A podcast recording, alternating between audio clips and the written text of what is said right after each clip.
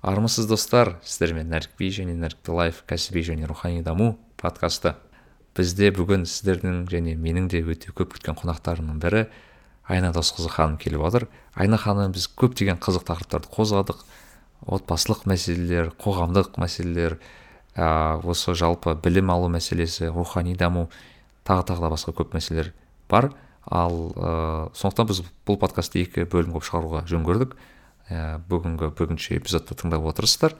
Егер де бізді қолдағыңыз келсе осы инстаграм парақшамызға өтіп ыыы стористарыңызға достарыңызға бөлісіп қойсаңыздар болады және де қаржылай көмектер жасасаңыздар болады. Ол деген біздің каспимызға өтіп кез келген сомамен бізді қолдауларыңызға болады.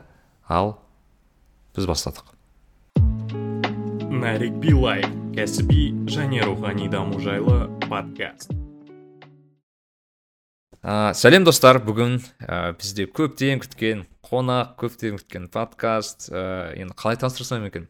Өте ә, танымал кісі мен үшін бірнеше проекті бар. Керемет ә, үш баланың анасы айтишница ә, спортсмен. Білмеймін қалай қалай тағы таныстыруға болады. Айна досқызы айна ханым сәлеметсіз бе? Қалайсыз? Саламатсыз ба нәрікби мырза? Бізде бәрі жақсы. Подкастқа шақырғаныңызға көп көп рахмет. Иә біз ә, оказывается тағы не екенбіз біраздан бері ә, коллега екенбіз әріптес екенбіз. Под, подкаст жасаймыз. Мхм вот. Ә, жалпы айна ханым ә, осы подкастта біз бірнеше топикті қозғағымыз келген еді бірақ сіздің ә, бір ерекше сіздің енді тақырыбыңызға байланысты ерекше тоқталғым келгені ол бэкграунд мәселесі. Яғни сіз көп жерде енді ә, проекттеріңіз жайлы айтасыз хобби жайлы айтасыз айти жайлы айтасыз бірақ өзіңіздің мынау кезіндегі оқуыңыз жайлы айтпайды екенсіз да сол қызық болды маған. Яғни ә, мысалы сіз ә, политехте оқыған екенсіз мхм яғни ә, сатпаев атындағы иә кажется университет иә иә. ә, техникалық. Сіз сонда ә, айтишник оқыған екенсіз мен соны енді біліп жатырмын. Мхм. Ә, яғни сіз ә, айти саласында оқып кейін ә, эрстон янгта сегіз жыл жүріп жүріпсіз айтишник ол жақта бес жыл айти саласында болыпсыз кейін ә, үш жыл HR да болыпсыз. Енді сіздің линкедин профайлыңыз біраз затты айтып тұр сол туралы. Жақсы нәрсе негізі линкдин иә сол жағынан кішкене ә, білгім келіп еді. Яғни сіздің былай ыыы қалай неге айтиға оқығыңыз келді ол екі мың қай екі мың екі екі мың үшінші жыл иә есімде болса? Иә екі мың екі мың. Қыздардың жал қыздардың жалпы инженерияға келуі өте бір қызық тақырып та негізі. Негізі бар ғой. Тем более екі мың екінші жылдар. Әрине дәл қазір осы жерде бір ә, романтикалық историяны айтып ә, мен космосты игергім келді сондықтан айтиға барғым келді деп айтқым келеді бірақ ол олай емес. барлығы орысша айтқанда все гораздо прозаичнее. Мен соңғы е- мектептегі соңғы екі жылда ә, ақылы мектепте оқыдым яғни жеке мектепте болашақ деп аталатын. Сол кезде ата анам менің оқуыма айына 100 доллар төлеп тұрады. Ә, шын, шыны керек біздің отбасымыздың э, қаржылық жағдайы айына 100 доллар көтеретіндей емес еді. Бірақ дегенмен м, әке шешем мен сол мектепте оқытқанда ә, мен өзіме алдыма мақсат қойдым. Мен ә, енді ақыры әке шешем мені оқытып жатыр мен оларға бұл ақшаны қайтаруым керек дегендей. Сондықтан о, жоғарғы оқу орнына егер ә, ақылы бөлімге түссем онда мен gap year алып ә, бір жылдай мысалы дайындалып келесі жылы түсемін деп өз өзіме сондай м, мақсат қойған болатынмын.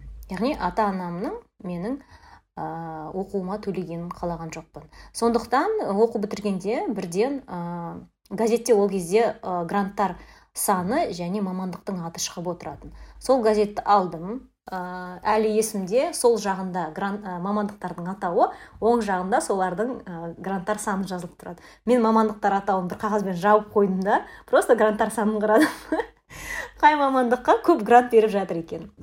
Сол кезде қарасам ә, біздің мамандыққа ең көп грант берілді сол кезде білмеймін. Ол кезде қазақстан саясаты сондай болды ма айтишниктерді көбейтеміз деген ә, жоқ әлде кездейсоқ болды ма? Ең көп менің мамандығыма болды. Просто сол кезде көрдім да қолымды ашып қарасам анау қағазды алып тастап компьютерная система управ- управления и обработки информации деп жазылып тұр.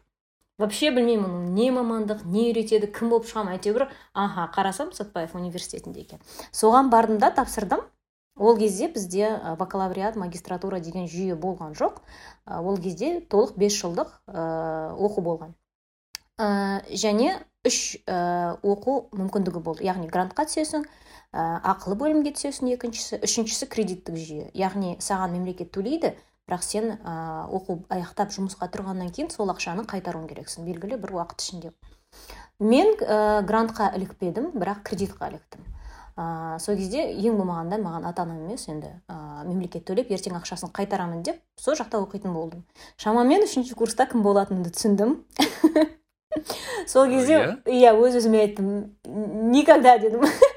мен айтишник болмаймын дедім. Неужели мен сол бес жыл айтиға оқып жатырмын? Қолымды жарайды бір сілтедім мен өте андай адаммын да. Жауапкершілігі үлкен адам. Ақыры түстім ақыры оқып жатыр. Мен жақсы оқуым керек дегенде бірақ андай болмады ма сіз диплом деген үшін ғана оқып жатырмын деген болады ғой? болды әрине болды. Біздің кезде де ол болды. Әйтеуір диплом керек дегендей. Қазіргі жастарға құдайға шүкір бұл жағынан жеңіл сияқты. Себебі нарық та өзгеріп жатыр. Көптеген компанияларда дипломсыз жұмысқа алады жалпы қазіргі жастардың ә, дұрыс ұғым пайда болады да диплом емес білім керек дегендей. Біздің кезде бәрібір сол баяғы ә, ескі түсінік болды. Бірақ мен жақсы оқыдым содан кейін мені грантқа ауыстырды. Үш жыл сол кредитте отырып екі жыл грантта оқыдым қызыл дипломға бітірдім. Ә, бір қызығы ешқашан айтишник болмаймын деп бірден ә, мектептен ой мектеп университетті бітіргеннен кейін майда бітірдім ноябрьде қараша айында эрнст янгқа тура айти департаментке сол жаққа жұмысқа тұрдым. Бұл жұмысқа тұруымда енді сәл қызық болды. Ә, себебі эрнст янгқа жалпы тұру оңай емес қой негізі вообще оңай емес екен. Ә, бір қызығы бар ғой нәрікбек мырза. Иә. қазір бұған бір екі рет оралатын шығармыз подкаст барысында. Мынандай ой да. Негізі белгілі бір салада білімің аз болғанда жақсы екен. Себебі менде мен біріншіден эрнст янгтың не екенін білген жоқпын. Ә, биг фон не екенін білген жоқпын. Ә, сіздерге өтірік маған шын мен эрнст янг деген компанияның атын шамамен екі ай бойы айта алған жоқпын. Қайда жұмыс істейсің десем білмеймін бір жақта деймін да себебі анау тілім келмейді анау деп айтуға. Сөйтіп екі ай болып бір жерде бір жерде болып жүрді. Ә, және мен сон, сол компания білмегендіктен ол, ол компанияға жұмысқа тұру да қиын екенін білген жоқпын. Ал егер білмесең бір қорқыныш та жоқ бір ожидание дейді ғой бір нәрсені күтпейсің. Әйтеуір жай ғана андай собеседованиеға барғандай боласың да. Біреуіне барып келдім мен сосын екіншісіне барып келдім. Ә, әлі есімде сол кезде IT бөлімін басқарған алексей карпенко деген адам еді ол мәскеуден келді. Оның қойған сұрақтары әлі есімде. Сосын менің ағылшыным онша жақсы болған жоқ. Ә, бірақ ол менен ә, ағылшын тілінде көп нәрсе сұрады ағылшынша интервью жүргізді. Ә, шын айтсам несімен алғанымды түсінген жоқпын. Менің ойымша бір менің бойымда қорқыныш болған жоқ. Және техникалық білімім де жақсы болды. Себебі әлі есімде ә, реестр деген не деген сұрақ қойған сосын ә, вор, как можно разделить вордовскую таблицу если нет бірдеңке бірдеңке? Сондай какой то сұрақтар қойды да. Андай қолданбалы. Солардың барлығына жауап бердім. Мүмкін сол шығар. Ә, сон, содан кейін мені әйтеуір ә, жұмысқа алды. Бірнеше интервью болды бірнеше этаптардан өттім. Бірақ дегенмен маған ол кезде бір какой то суперсложный нәрсе болып көрінген жоқ. Мхм. Бірақ сіз аз жұмыс істемепсіз. Әке бес жыл жұмыс істепсіз кәдімгідей. Мен өзім yeah. мысалы мен айтайын мен, мен университетті так 2015-те бітірсем қазір алты жыл болып жұмыс істеп жатырмын енді официально алты жыл одан енді одан бұрын да бастаған бірақ енді қағаз жүзінде алты жыл жұмыс істеппін. Сіз бес жыл жұмыс істепсіз. Ыыы ол аз емес енді. Ол қалай екен жалпы айтишник болу? Ой ә, шын айтсам менің өмірімді өзгерткен ә, бір ары кетсе екі үш кәдімгі крупный событие болды десем болады. Кәдімгі мен ә, шүкір айтатындай соның біреуі сол эрнст жұмысым. Мен айти департаментке тұрғалы маған жұмысымның ұнағаны соншалықты мен өз жалақымды ешқашан ә, есептемеппін жалақы үшін бармаппын. Мен кәдімгі жұма күні болса тура көңіл күйім түсіп ертең демалыс ертең жұмысқа бару керек емес деп кәдімгідей қобалжитынмын. Ал жексенбі күні көңіл күйім таңертеңнен бері көтеріңкі себебі ертең жұмысқа бару керек. Менде сондай не болды да сондай қалыптар жүрді. Өте андай бір сирек сирек кездесетін жағдай әсіресе аудиторлық компанияларда жалпы иә. Әсіресе. Иә дұрыс айтасыз. Ол кездегі жалақым мен 35 мың теңге болған стажер ретінде. Ал мен жарты күн ғана жұмыс істегенмін. Себебі ол кезде ә, алғашқы балам тоғыз айлық болды. Мен үйге баруым керек еді. Сол кезде жарты күн істедім. Ол отыз бестің жартысы он жеті мың теңге алатынмын. он жеті мың теңге алатыныма қарамай мен жұмысты басынан аяғына дейін өте мындай беріліп істейтінмін да. Маған өте қатты ұнады. Біздің ә, компанияның өзі ұнады. Ә, корпоративтік культурасы оның ұнады. Ә, әріптестерім ұнады. Жалпы барлығы жаңа болды да мен үшін. Сондықтан білмеймін қатты беріліп жұмыс істейтінмін әйтеуір. Тоқтаңыз екі мың қай бұл? Екі мың бесінші екі мың екінші екі мың жетінші жылдың қараша айында екі мың жетінші жыл. Так иә. екі мың жетінші жыл о, так доллар қанша ол кезде? Жүз жиырма. Жүз жиырма. Сонда сіз отыз мың деп алатын дедіңіз иә? Отыз бес мың. Отыз бес мың. Отыз бес мың. Қанша енді қанша иә ну қазіргімен асалса үш жүз доллар шамасында. үш жүз доллар шамасында стажерға негізі жақсы ақша еді. жақсы ақша? Иә мен айтқым келгені жалпы қызық та маған осылай биг форда жұмыс істейтін делойтта институт янгта істейтін балаларға қарасам қызық. Бәрі көбінесе андай да ыыы менің енді жеке ощущением бойынша олар көбінесе сол тәжірибе үшін жұмыс істейді. Бірақ жалақы үшін точно жұмыс істемейді өйткені жалақы аз дейді да бәрі енді жалақыны үйіп төгу үшін білмеймін бір он жыл жұмыс істеуің керексің деп маған бәрі осылай жалып айтатын. Дұрыс айтады. Негізі сосын екі нәрсені түсіну керек та. Ыыы не бар? Ыыы клиент сервис деген бар. Яғни бұл ыыы не налоговик аудитор ыыы нелер ыыы рисковик сол адамдар клиентқа жұмыс істейтін адамдар. Және ә, CBS деген бар. Яғни біз біздің адамдарға жұмыс істейміз. Ол маркетинг финанс бөлімі IT бөлімі администрация HR біз біздің адамдарға жұмыс істейміз ал ол адамдар клиентке жұмыс істейді. Вот клиентке external и internal деп көрсек болады сіз internal жақ біз как бэк офис сияқты. Ә, сондықтан біздің жалақымыз азырақ ал клиенттерге жұмыс істейтін адамдардың жалақысы көбірек болатын. Бірақ бәрібір дегенімен сіз дұрыс айттыңыз биг форға келетін адамдардың барлығы көп жағдайда не болмаса карьера жасау үшін келеді не болмаса тәжірибе жинап басқа жаққа көбірек жалақыға орналасу үшін келеді. Осы екі жағдай. Иә. Мен енді өзім жеке көрген көп жағдай ана бізде университеттер балалар бітіреді ғой. Сол кезде енді бүйтіп жүреді ғой жұмыс таппай анау мынау ары бері жүрген кезде көбінесе бәрі биг форға кіруге тырысады екен да неге десең енді ең болмаса тәжірибе аламын деген сондай бір немен барады екен да настроймен өйткені шынымен тәжірибе көп сосын бағанағы айтқан ең басты ол немен ұстап қалады? Бұл ә, жылдар бойы өздерінің қалыптасқан бизнес процестері. Бұл бір. Екіншіден бағанағы айтқан корпоративтік культурасы. Өте мықты да. Ә, до такой степени сен эрстоньяктың кез келген ә, әлемдегі кез келген офисына барсаң сен өз офисіңа кіргендей боласың.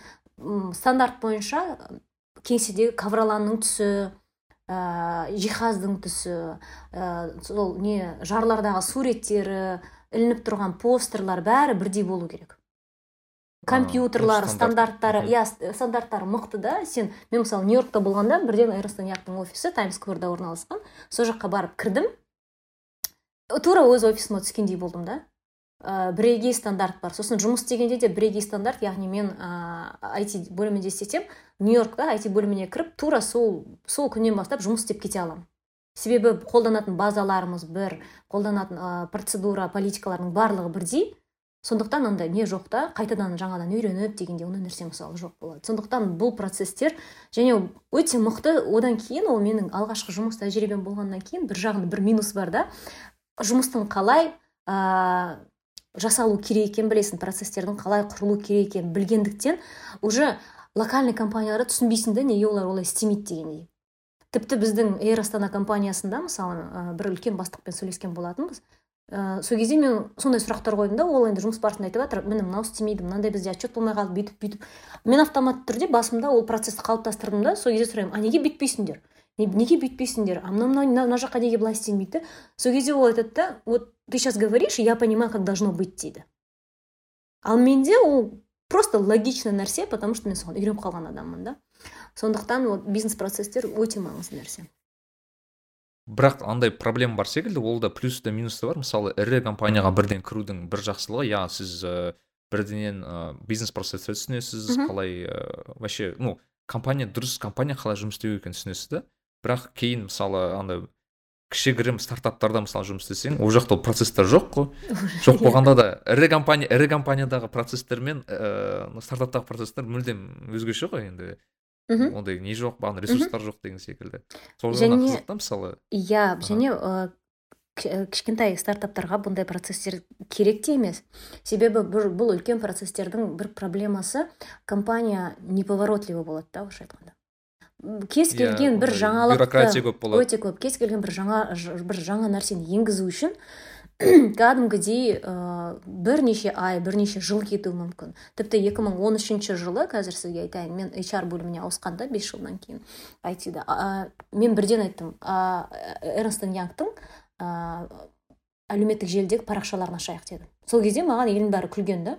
Қайдағы парақша анау мынау мен сол он үшінші жылы айтқанмын «Вот көре тұрыңдар жарты жылдан кейін елдің барлығы парақша ашып бастайды компаниялар. Ол кезде инстаграмды тек қана ә, физикалық тұлға, тұлғалар қолданатын компаниялар болған жоқ. Иә иә. Ал мен сол кезде айтқанмын сөйтейік сөйтейік деп. Мен ым, сол кезде бірнеше айдан кейін маған тек қана ә, эрнст янгтың HR парақшасын ашуға рұқсат берді вконтакте желісінде. Соны бір жыл бойы жүргіздім. Бірақ бір жыл бойы қақылдап қоймадым да инстаграмнан ашайық. Бүкіл компания мен білемін не істеу керек. Мен контент уже вот басымда бүкіл контент бар да менде. Бірақ маған мысалы рұқсат Иә. берген жоқ. Ал олар 2016 жылы ашты. Уже әбден елдің барлығы ашып біткеннен кейін елдің соңында ашты. Елдің соңында дейсіз ғой иә. Иә сондықтан мысалы ә, бұл ыңғайсыз нәрсе. Ал кішігірім стартаптарға олардың өз ережелері бар олар өте мобильді болу керек. Олар бірден ә, олар э, инстаграмды бірінші ашатын сияқты Иә. бірінші иә иә бірінші инстаграм сосын стартап. Олар нарықтың өзгермелі ә, несіне бірден бейімделу керек та. Сондықтан оларға керек те емес шығар. Ал былай әрине үлкен үлкен компанияларға ол мындай бизнес процесстер ә, тоқтамай ә, жұмыс істеу үшін әрине қажет нәрсе. Иә бұл қызық. Қазір бізді көп студенттер жалпы жастар тыңдайды біздің подкаст. Сол кезде бір мәселенің бірін көбінесе жазады ғой мен осы бітірдім жұмыс істей алмай жүрмін тағы тағы басқа немесе мен стартап ашқым келеді не істесем болады? деп. Мен енді өзім жеке андай ыыы көбінесе ну кеңес беремін. Уже бағанағы бизнес процесстер тұрақталған бағанағы корпоративный культурасы бар компания кіріп көріңдер бірінші деймін да. Енді жұмыстың не екенін түсіну үшін жалпы. Өйткені бізде кейбір балалар бар бірден компания жасаймын стартап істеймін деген өйткені иісін де білмейді да компанияның организация структура не екенін білмейді мысалы адамдарды қалай HR жасау екенін білмейді мхм бұл бұл best practice менің ойымша. Иә сен бір жерден қарап Иә. аласың белгілі бір ә, білімің бар көргенің бар ә, оны өзіңнің стартапыңда келіп мысалы имплементация жасай аласың дегендей. Бірақ ә, бағана айттым ғой бірнеше рет қайтып ораламыз деп. Кей кезде сенің білімің бар болғаны ол саған кедергі болуы мүмкін да. Иә көп иә. нәрсенің иә мысалы былай мынандай процессіз ақ істелетінін білмей қаласың. Бір уже шоры дейді ғой перед глазами. Кей кезде сондай нәрсе де а болады. что так можно было деп па иә во во дұрыс айтасың. А что так можно было деп? Иә ол қызық. Мен өйткені өзім солай бастадым да. Мен ана веб студияларда жұмыс істедім. Басында уже енді типа енді энстің янг емес енді әрине. Бірақ ол қалыптасқан студияларға бардым да. А кейін бітір оларда жұмыс істегеннен кейін бір стартаптарға кірдім. И мүлдем әртүрлі өмір да Мгм, жақта. ал жақта мүлдем бәрі басқаша істейсің.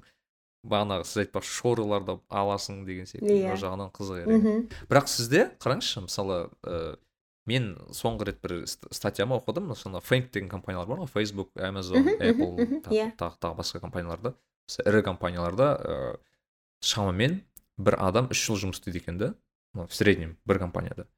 Сіз ә, енді эйстон янг ол ірі компания тоже считается ну да әлемдік. Сіз сегіз жыл жұмыс істепсіз да ғой яғни сіз яғни сізді мотивировать еткен ол карьера болды ма әлде просто жұмыс ұнады ма? Просто менің ойымша сегіз жыл жұмыс істеу үшін бір білмеймін бір ақшадан да бөлек білмеймін бір нәрсе болу керек сияқты адамды тартатын. Әбден дұрыс айтасыз. тым ұзақ уақыт. Мхм ә, негізі жалпы айта кетейін ақша ол ешқашан ұзақ мотивация болмайды. Белгілі бір дәрежеде сен өз қажеттіліктеріңді қанағаттандырған кейін ә, саған жұмыс он жерден жақсы төлесе де сен жұмыс ұнамаса көп жағдайда кетіп қаласың. Мені бағана айтқан мен ұстап тұрған корпоративтік культура. Маған сол сол ә, жұмыс істеп жүрген адамдар ұнады. Маған сол ә, тұрақталған бизнес процесстер ұнады. Маған мен негізі ә, көп адам гороскопқа сенбейді ғой. Бірақ дегенмен мен сенемін деп айта алмаймын. Бірақ ортақ белгілері бәрібір бар да мен бикеш ретінде тәртіпті жақсы көремін. Барлығы вот все должно быть по порядку дегендей. Ал бұл тұрақталған компанияда все по порядку да. Менің көңілім ешқай жаққа алаңдамайды. Менде ә, мен ондай нәрселерге алаңдамаймын да ә, бастық маған тым көп жұмыс беріп қойды. Ә, мен біреудің орнына мынаны істеуім керекпін дегендей. Не болмаса андай блат сват анау мынау вообще жоқ. Сенің өзі жұмысың бар сен оны жасайсың өз, өзге адамға өз жұмысыңды ешқалай бере алмайсың себебі сенің базаларыңа ода доступ жоқ. Дәл сол сияқты ешқандай бастық саған келіп өзінің жұмысын үйіп, тастап өзі бір жаққа барып қыдырып жүре алмайды да. Барлық адамдар үлкен механизмнің болтигі сияқты өз жұмыстарын атқарады. Маған сол өте қатты ұнады. М, сол нәрсе мені ұстап тұрған сол нәрсе болды. Және әрбір адам өзін жұмысын бекер емес деп санайды да. Өзінің сен білесің что вот сенің жұмыс істеп жатқан мына нәрсең ол бүкіл компанияға мына жерінде әсер етеді. Сондай нәрселер. Ал ақшасы көп болған жоқ. Иә бұл күшті. Негізі бұл мен де бір лайфхак айтамын әсіресе студенттерге. Айтады мысалы айтады ғой маған компанияға тұрғым келеді потом ана резюмеларын жібереді да. И ашып қалсаң резюмеларын енді ары кетсе бір екі жыл тәжірибесі бар бірақ резюмесі екі үш страницаға кетіп қалғанда мен айтамын жоқ мүмкін емес зат деймін да сендер қысқартыңдар деймін. Өйткені анау бір көп кітаптарда жазылады да мысалы IT саласында мысалы ы, сенің тәжірибең он жылға жетпесе сен ты не имеешь права дейді да екі, екі бетке ы, не қою дейді да. Өйткені ну, сенде слишком аз опыт дейді да. Он жылды аз деп отыр да яғни ыыы мен енді ол кезде түсінесің е ладно бүйтіп қысқартасың уже мақтағанды қоясың ана жерде бүйтіп. Кішкене болсын. И ол да бір жақсы не секілді өйткені ә, енді сіз қазір біраз адам таниды деген секілді бірақ бізде өйткені мынандай бір қызық мәселе бар екен да. Мысалы мен мені таныстырған кезде адамдар мен блогер емеспін ешқандай да блогер санамаймын да өзімді. Бірақ мені таныстырғанда кейбір адамдар айтады мысалы мынау кісі блогер болайын деп жатыр екен деген секілді. Мен айтамын олар таныстырмаңдаршы деймін мен блогер емеспін деймін. Мен программистпін инженермін и подкаст жазамын деп түсіндіремін да айтамын. «Ен- мен енді ондайға жатпаймын деймін да кішкене. Инфлюенсер деп айтсаңдар болады мүмкін. Кішкене болсын. Ә, бірақ сізді мысалы таныстырса көбінесе тоже бағанағы проекттеріңіз айтады. Бірақ мысалы бағанағы эрнстің янгтағы сегіз жылды айтпайды да. Одан бұрынғы мысалы. То есть ана хард скиллсты айтпайды ғой адамдар бізде көбінесе бағанағы пиар жағына қатты көңіл бөледі бірақ адамның артында қаншама былай ә, өткен тәжірибесін былай ала бермейді ә, ескере бермейді. Сол жағынан әрине бізге кішкене хард скиллсты бірінші дамыту ол важнее секілді өйткені мен енді жастармен араласамын көбінесе бағанағы софт скиллсқа көбінесе не кетіп қалған да былай. Ыыы қазір жастардың арасында. иә. Акцент сол жаққа кетіп бара жатыр яғни мхм сөйлесе алу нетворкинг бәрін қатырады бірақ хард скиллс жоқ та арасында бір прям мхм бұл негізі иә бұл проблема. Және ә, қайсысы маңыздырақ екенін айта алмайсың да. Хард скиллс та маңызды софт скиллс та маңызды. Ә, сондықтан сосын осы бағана айтқан бір қазіргі бір заман біртүрлі заман болып кетті ғой бұл бір түсініксіз бір өзгермелі ә, сондықтан бір ә, баяғыда мысалы барлығы түсінікті болғанда мүмкін хард скиллс керек болған шығар көбірек. Қазір ә, адаптацияланып үйрену керек та мысалы тез өзгеретін әлемге. Ә, сондықтан софт скиллс та алдыға шыққан шығар. Ыыы сондай ама, заманына қарай амал дейді ғой сол бекер айтылмаған болар. Бұл керемет иә өйткені шынымен заман өзгеріп жатыр и білмеймін мысалы коронавирустың мысалы әсерінен де мен білемін біраз адам енді несін өзгертті? Көзқарасын ба? көзқарасын өзгертті оған кәдімгідей өйткені айтты. Мысалы бір адамдар болды мен есімде. Енді мен ауылға барып тұрасың кім дейсің? Е анау программист қой ана компьютерщик қой деген секілді сондай бір айтатын да. Ал кейін мысалы уже ә, көшіп кеттім ғой. Көшіп кеттім. Кейін мысалы енді коронаның кезінде оларда көп адамдар жұмыстан айырылды. Мен сол жұмыстан айырылдым. Я говорю кім кім айтишник точно жұмыстан айырылмады деймін да. Оларда керісінше жұмыс көбейіп кетті. Бұл Э, негізі деп айтамын ғой. иә дұрыс дұрыс. Өте дұрыс. Олар келіп айтады да типа қалай енді жұмысқа тұруға болады? деген сияқты сондай сұрақтар кетеді да соны ойлайсың «А, а заман қалай өзгеріп кетті? деп. иә елдің бәрі бірден ана айти мамандығына оқып алғысы келеді да. Вот қазір хотя бы бір түсінік бар да енді айтишниктің кім екенін ме- меніңше бір адамдар сәл түсініп жатқан шығар. Ал біздің біздің кезімізде мен айтида жұмыс істеп жүргенде бізге кәдімгідей ә, телефон шалатын біздің департаментке. У меня здесь жалюзи упали почините пожалуйста дейді да. сол ә, бір компьютер сатып алса да программа қойып беру керек болса да біреуді взломать етсе де әйтеуір бәрібір әйтеуір айтишник айтишник та олар түсінбейді қандай салаға бөлінетінін разработка бір бөлек защита безопасности бір бөлек мысалы ә, сети бір бөлек. Сондай нәрсенің вообще түсінік жоқ та. Сол маған әлі күнге дейін қызық Иә. себебі осы жақында да біз сол туралы ты ж программист деп иә иә ты ж программист чуть чуть ты ж программист да сондай. вот. Негізі иә өте керек мамандықтардың бірі. Бәрібір. Мхм, мен просто әрқашан осылай инженерлерді көрсем жаным ау деп қаласың кішкене. Нормальный адамдар бар екен ғой осы жоқ ойнап жатамын барлық мамандық керек. Иә дұрыс. Инженерлер де керек. Нарик билай мен ә, енді былай ә, айтайыншы ә, бағана ажыраспаға байланысты сіздің мына проектіңіз бар ғой. Иә. Мен мысалы ә, менің достарым әлі күнге дейін тиіседі. Маған өйткені мен қазір қазақстаннан қайтып келсем мен жартысынан көбі үйленіп кеткен достарым. Енді кейбіреулердің бір екі баласы бар. Мхм. Уже и даже мен енді өзім туысқандарым жайлы айтпай ақ қояйын. Мен мысалы ауылға мен оңтүстіктің баласымын. Енді ту- туған туысқандарым мен мысалы шымкентке барсам менің бір жиырма екі жастағы бір врачкемнің уже баласы бар да. Ол жақта сондай да енді.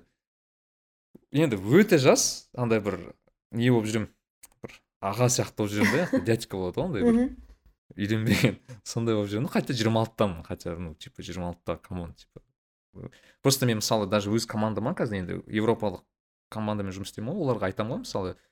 Менің жиырма алтыда мысалы бір үйленесің ба? анау мынау сұрақ қойса күледі да вы же вы же вообще щеглы деген секілді. Типа сендер мұрынбоқсыңдар ғой дейді да қайдағы үйлену деген секілді бізге иә сондай ғой түсінікті сол жағынан. И мен менен мысалы туысқандар немесе бағана қазақстанда барған кезде адамдар сұрайды неге адамдар үйленбейді? деген секілді.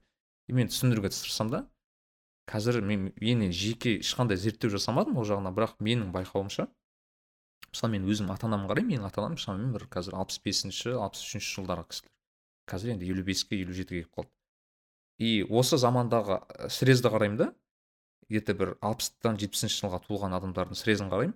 А потом э, былай одан үлкен одан үлкен одан үлкен адамдар и бар көрген ә, зерттеген сайын андай да жеке менің көзқарасымда біздің менің ата анамның арасында ажырасулар енді бар бірақ көп емес. Өйткені білмеймін ә, не әсер еткенін ол кезде.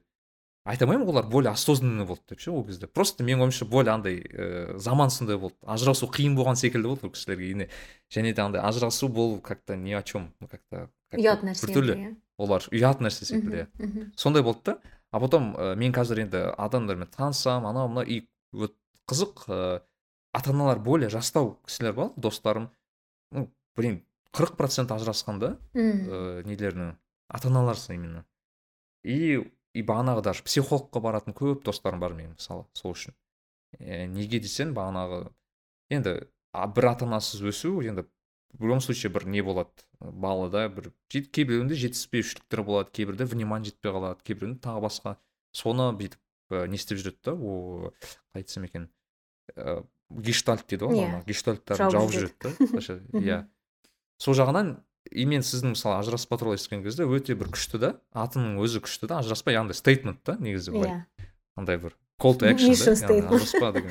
Иә миш- сондай бір күшті да. Негізі атының өзі сондай бір ерекше екен ә, мен енді ана сіздің инстаграмда парақшаңыз бар екен ғой отдельно соған арналған. Мен оған кірмедім просто көрдім андай бар сондай парақша бар екен. И біраз адам жазылғанын көрдім.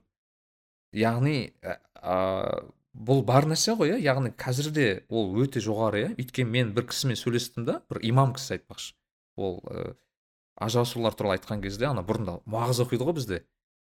Мешітке барған кезде жұмаға барған кезде қазір әрбір үшінші жастар ажырасады анау мынау деген кезде сол кісі енді видимо ана статистикасын база даннықты обновлять еткен ғой. Сөйтсе қазір қырық процент деген дейді да уже бірінші жыл. Деп маған сонда енді почти каждый второй деп жатыр ғой енді каждый екінші пара ажырасады деп маған Иә. айтып отыр да. И мен айтамын сол кезде маған неге үйленбейсің деген кезде мен шынымен айтамын көп жастар мен сияқты балалар қорқады деймін. Вот расымен қорқады. Неге өйткені ондай статистиканы көрсең шынымен қорқатындай бар деймін да. И білмеймін ыыы сондай бір ішкі сондай бір толғаныстар толғаныстармен жүремін. Сонда мен ой, ойым мынада да сіздің бір интервьюңызды оқыдым. Ыыы сол кезде айтасыз да мысалы ажыраспаның бір негізгі бір ыыы стейтмент дейді ма анағы айт, айтқысы келгені ол проблеманы осындай ажырасуға тірелетін проблеманы ажырасу арқылы арқылы емес ақ шешуге болады деген сияқты айттыңыз да. Соны түсіндіріп кетесіз бе? Яғни мысалы сонда адам ажырасқысы келсе көбіне ол ажырасудың өзі ол шешім болмайды ғой ол жерде. Иә. Мен түсінсем иә. Иә сіз дұрыс түсіндіңіз негізі. Ыыы қараңыз м, мысалмен келтірейін иә. М, мысалы ыыы күйеу қызғаншақ деп айтайық иә. Мысалы күйеуі қызғаншақ бір ыыы ерлі зайыпты ы, отбасы бар. Ыыы әйелі сол кезде мысалы білмеймін ол әйелі анда шықса мында шықса өте қатты қызғанады үйде скандал ақ болды көк болды. Сосын олар не істейді? Олар айтады болды давайте ажырасайық себебі бұл проблема шешілмейді иә мысалы. Бац и ажырасып кетті. Ыыы сол кезде күйеуі адам ретінде мысалы өзгерді ма? Ол қызғаншақ болуын қойды ма? Қойды ма? Жоқ па сіздің ойыңызша? Жоқ жоқ. иә себебі ол ыыы үйленгеннен кейін ғана қызғаншақ болған жоқ. Оның ішінде ә, сондай не бар да өзінің сондай қасиеті. А- адам өзі қызғаншақ. Вот любой столбқа қызғанады иә мысалы. Ә, менде сондай талай талай хаттар келеді. Мысалы әйелдер айтады «М, телефоныма бірден телефонымды көтермесем телефон тұтқасын күйеуім звондағанда бірден скандал басталады. Неге сен бірден көтермедің? Демек сен басқа біреумен болдың басқа бөлмеде болдың сен келем дегенше мен мысалы міне жеті гудок өтті да мысалы Ну, ненормальный қызғану да біз қазір андай ыыы құранда да бар ғой андай қызғаныңдар деп айтатын. Біз ондай туралы айтып тұрған жоқпыз. Андай ненормальный ревность. И ә, ол үйленгеннен кейін пайда болған жоқ. Адам сондай да. Ол мысалы ажырасты Иә. екінші отбасын құрды. Ол сол кезде ә, екінші әйелі неужели айтады а ну ладно нормально мынау ондай емес қой қызғанбаймын ол да сөйтіп айтады екінші әйеліне. Демек проблема адамның ішінде. Ол ажырасты бірақ проблема шешілген жоқ. Ііі сөйтіп ол негізіне түп негізгі негізгі- проблема шешілді иә түп негізгі проблема ол отбасында емес. Түп негізгі проблема адамның ішінде. И ол нәрсені қалай мысалы ә, шешуге болады? Оны түрлі мысалы ә, психологқа бара ма өз өзін танып зерттеп өз өзіне сұрақтар қойып істей ма ә, білмеймін тағы да психотерапевтке бара ма. Әйтеуір ішкі проблеманы тауып оның қызғанышы неліктен сондай деңгей, деңгейде екенін анықтап жұмыс істеуге болады. Ал психологқа бару үшін ажырасу міндет па? Жоқ. Жоқ. Яғни осындай проблемалар көп жағдайда ә, ажыраспай да шешіледі да. Мысалы ә, әйелдердің да проблемасы бар. Бірдеңке ұнамай қалса ә, ренжіп сөйлеспей қаламыз. Мхм. и сен как будто сенің бір рентгендік бір зрениең бар и сен біліп, біліп қалуың керексің да. Вот. Че она молчит? Андай анекдот бар ғой дорогая ты обиделась? Нет сильно? Да дейтін бар ғой вот сол Иә, сияқты. иә проблема ол күйеуіне айта алмайды. И не только күйеуіне ол ренжіп қалса в принципе айта алмай сөйлемей қалады да. Ол үшін да мысалы адам өзін түсіну керек та вот неліктен мен маған ұнамайтын нәрсені адамның өзіне барып айта алмаймын. Неге мен ренжіп қаламын неге мен үндемей қаламын вот үндемесем мені басқа адам түсіне ма жоқ па? Жоқ түсінбейді. Демек ол проблемада вообще күйеуінің проблемасы жоқ та қатысы жоқ. Өзінің ішіндегі проблема. Оны шешу үшін неужели ажырасу керек жоқ оны шешу үшін просто өз өзіңмен жұмыс істеп или психологпен жұмыс істеп сондай проблеманы шешу керек кез келген проблема ол адамның ішінде и оның по идее екінші адамның қатысы жоқ екінші адам катализатор да просто.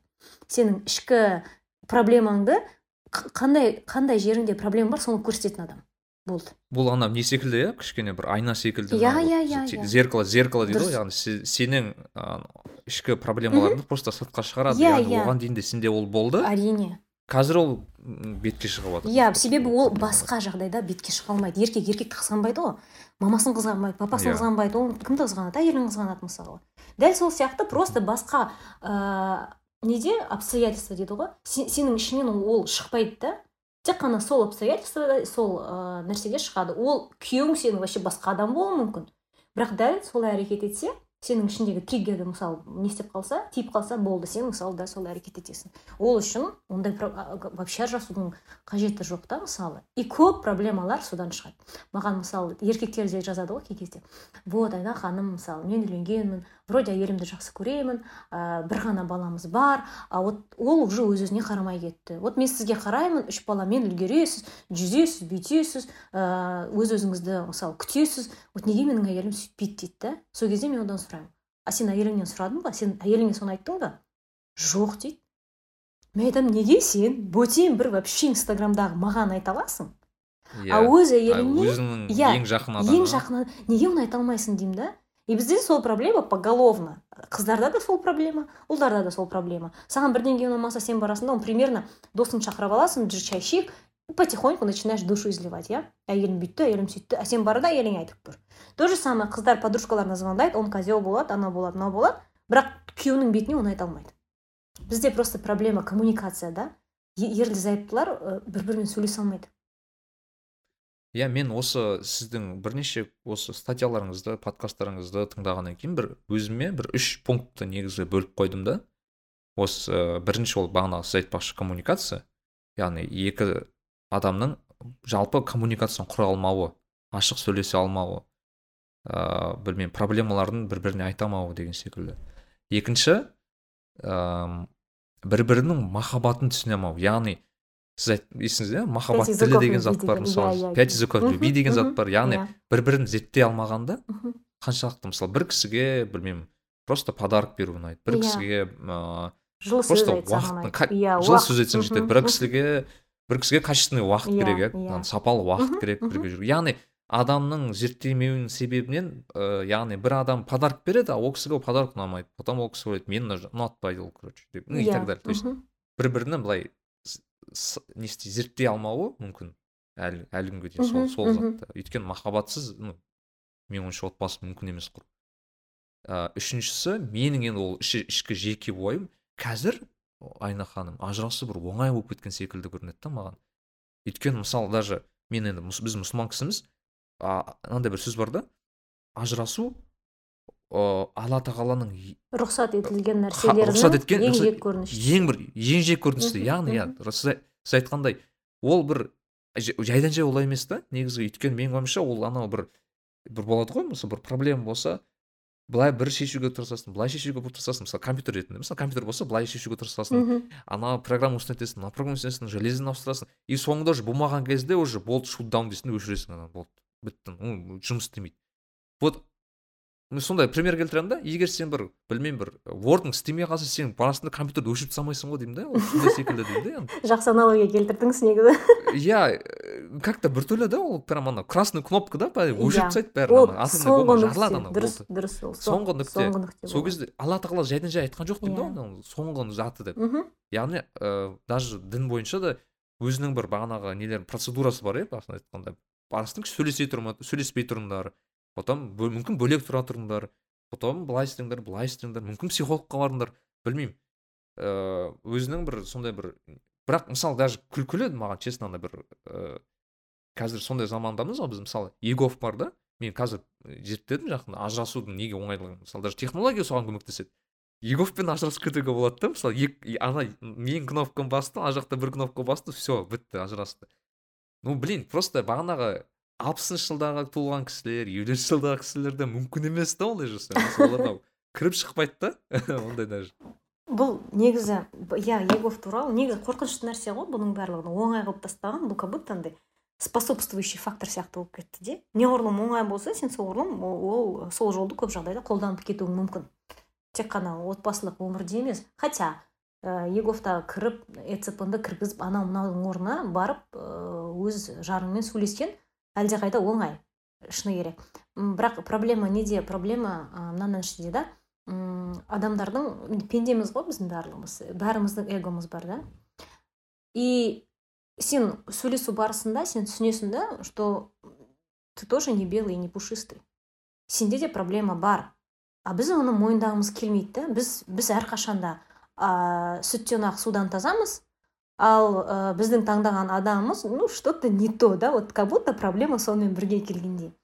Ә, проблема жалпы кез келген проблеманы шешудің бірінші қадамы ол сол проблеманың бар екенін мойындау. Ал біз мойындағымыз келмейді. Қазіргі заман өте бағана өзіңіз айтқандай барлығы тез тез шешім тез қабылданады. Ә, батырмалар ә, әрбір сайтта тұр басып қалсаң барлығы сенің алдыңа өзі ақ жайылып келе қалады дегендей. Ә, сондай нәрсе. М, бағанағы үш ә, пункт бәрімен келісемін. Бірақ алдын ала сізге де айтып қояйын әріпбай мырза тұрмыс құрмаған құрмағансыз иә. Бәрібір ә, отбасылық өмірде ә, андай ой пайда болады да ну его нафиг. Даже вот қазір ешкім жоқ болып өзіңізге осындай постулаттар жазып алып мен точно енді үйленгеннен кейін мынаны мынаны істеймін маған ұнамаса былай сөйлесемін былай айтамын деп жасаған өзінде де бір адаммен сен өмір бойы өмір сүрмеген адамыңмен внезапно күн сайын өмір сүру ол өзінің проблемаларын туғызады да бәрібір. И ә, қыздарда да ұлдарда да бәрібір ә, өмірінде бір рет болсын ну его нафиг мен ажырасып кетемін деген ой пайда болады. Вообще как бы үйлену оңай үй болу қиын деп біздің қазақ бекер айтпаған ғой. Үй болу өте қиын. Алғашқы мысалы бір білмеймін бес жеті жыл бұл ең андай опасный период дейді ғой. Ажырасудың ең көбісі осы бес жеті жылға түседі. Құдайға енді не істеп сақтап мысалы он жылдан асып кетсе енді отбасылық өмір онда ажырасудың проценті де сәл азаяды. Сосын мен бір келіспейтін нәрсе бар. Шынымды айтсам бұл ә, осы қазір күлкі қылған ұятмен дейді ғой. Ә, мен өз басым ондай нәрсеге онша келіспеймін. Менің ойымша бір ұят болу керек. Ә, ұят ол ә, иманнан деп айтады ғой. Ә, көп нәрседен сені сақтап қалады. Ә, мысалы андай қазір бар ғой мое тело что хочу то и ношу. Ә, как хочу так поступаю анау да мынау деп мысалы ә, моя жизнь мои правила. Да да моя жизнь мои правила. Сондай нәрселер тым көбейіп кетті да? И кейбір адамдар оны саналы түрде жасаса кейбір адамдар санасыз просто андай общий волнаға беріліп істейді да. Мен мысалы ондай нәрселерге өз басым қарсымын. Ә, и мүмкін сол нәрсе де біздің әке шешемізді сақтап қалған да шығар. Себебі көп отбасын мысалы ажырасамыз деп сақтап, сақтап қалған адамдар бірнеше жылдан кейін соны күліп есіне алады да сол кезде ажыраспағаным қандай жақсы деп айтады. Себебі ол қиын арада мысалы бала болғанда да біреудің баласы басқа біреуге бала бола алмайды көп жағдайда. Бұл да проблема. Ну шыны оны қопара берсең проблемасы көп көп та мүмкін сол кезде мысалы ұят ұят деген нәрсе кейбір жағдайда сақтап қалған дұрыс та шығар. Адамдар оңай деп ойлайды да ажырасу оңай деп ойлайды мысалы екінші рет тұрмыс құру оңай деп ойлайды вообще оңай емес. Ажырасу мен ә, үйлену мен әрқашан айтатын нәрсем бұл екі үлкен иллюзия. Адамдардың ойынша вот мен үйленемін и бәрі күшті болып кетеді. Нифига. Сосын айтады а оказывается қиын мен қазір ажырасам и өмірім шоколад болып кетеді нифига. Не былай не былай жақсы болмайды өзінің проблемалары толып тұр. Вот. мен өзім былай ыыы көп адамдармен сөйлесемін сол кезде бірден бір мәселе ол бағанағы әсіресе қыздардың арасындағы мынандай бір қызық иллюзия десем екен да яғни олар белгілі бір ортада жүреді бағанағы студент болады тағы басқа жұмысқа тұрады тұрмайды енді өздеріне байланысты. Бірақ андай бір иллюзия бар да ә, тұрмыс құрғаннан кейін өзгеріп кетеді бәрі деген секілді. Андай как будто бір білмеймін. Анау менің ойымша кей кезде сол даже инстаграм басқа да тик ток болсын әсер ететін секілді оған. Ой еще как өйткені өйткені мен былай қараймын да кейде. А өйткені енді инстаграмға мысалы адам жақсы жерін ғана салады ғой. Ұрысқанын ешкім салмайды. Ешкім былай ренжіскенін түрін қабағын түйіп тұрған суретін салмайды. Бәрі күліп тұр бәріне бір жүзік сыйлап тұр бір букет беріп тұр жүз бір роза деген секілді. Ол бір жаман иллюзия секілді да яғни бұл да бір себеп. Мен шын айтайын айнахан былай айтайын черный юмор шығар кішкене. Мен бірақ официально инстаграмда бір парочкалар болады ғой каплс дейді ғой не дейді андай инста парочкалар болады ғой солардың ажырасқанын ескенде іштей қуанамын. Білесіз бе неге? Өйткені бұлардың осындай иллюзиямен өмір сүріп кеткенін иллюзияны әбден беріп беріп беріп соңында былай ашылғаны дұрыс болды деймін да кейде даже. Шын айтқанда ол дұрыс емес шығар мен менің енді кішкене бір ішкі жақ ішкі ойым да басқа қырынан просто қарап тұрсыз оны да. Ажырасу да, да, да, мен... емес андай иллюзияның не істелгенін ашылғанын. Иә мен мен ол ажырасу жақсы деп отқан жоқпын просто ол бағанағы иллюзияны создавать еткеннің проблемасы ғой. Өйткені мысалы мен расын айтамын мен бір ада бір екі балаларды білемін енді достарым. Олар мысалы жақсы енді региондарда басқа бір кәдімгі қарапайым жұмыста істейді да. Бірақ расымен бір бір кісінің айфон подарить еткен көреді анаған мынандай істеген көреді там білмеймін ең болмаса турцияға барып келген көреді. И бағанағы әйелі блин енді әбден менжиді ана сорлы жігіттің анау анау бала кейін жүреді кредит аламын ба не істеймін өзі деп бүйтіп бұл бар ғой во первых ақылдың жоқтығынан екіншіден менің ойымша бір иманның жоқтығынан сияқты. Причем екі жақтан да. Енді егер қыз жағын алатын болсақ бағана талап етеді анау мынау. Кішкене ә, а сосын анау ә, қазір тренд болған нелер бар ғой всякий бизнес гуру анау да мынау мысалы ә, как андай требуйте дорогих подарков ә, там если любит достанет. Ә, анау да? Мынау сондайлар көп та и олар мен оларды совсем дұрыс емес деп жатқан жоқпын себебі ер адам андай не добытчик охотник дейді ғой. Оған бір сондай өзіне бір не қойып ә, нысана қойып сол нысанаға жеткенде қызық шығар енді олжан қазір. Сіз айтып бересіз маған? Ә, бір инстинкт охотника я добился дегенде мүмкін ә, еркектерді бұл итермелейтін шығар. Көбірек жұмыс істеп көбірек ақша тауып анау мынауға да. Ол ол бір несі да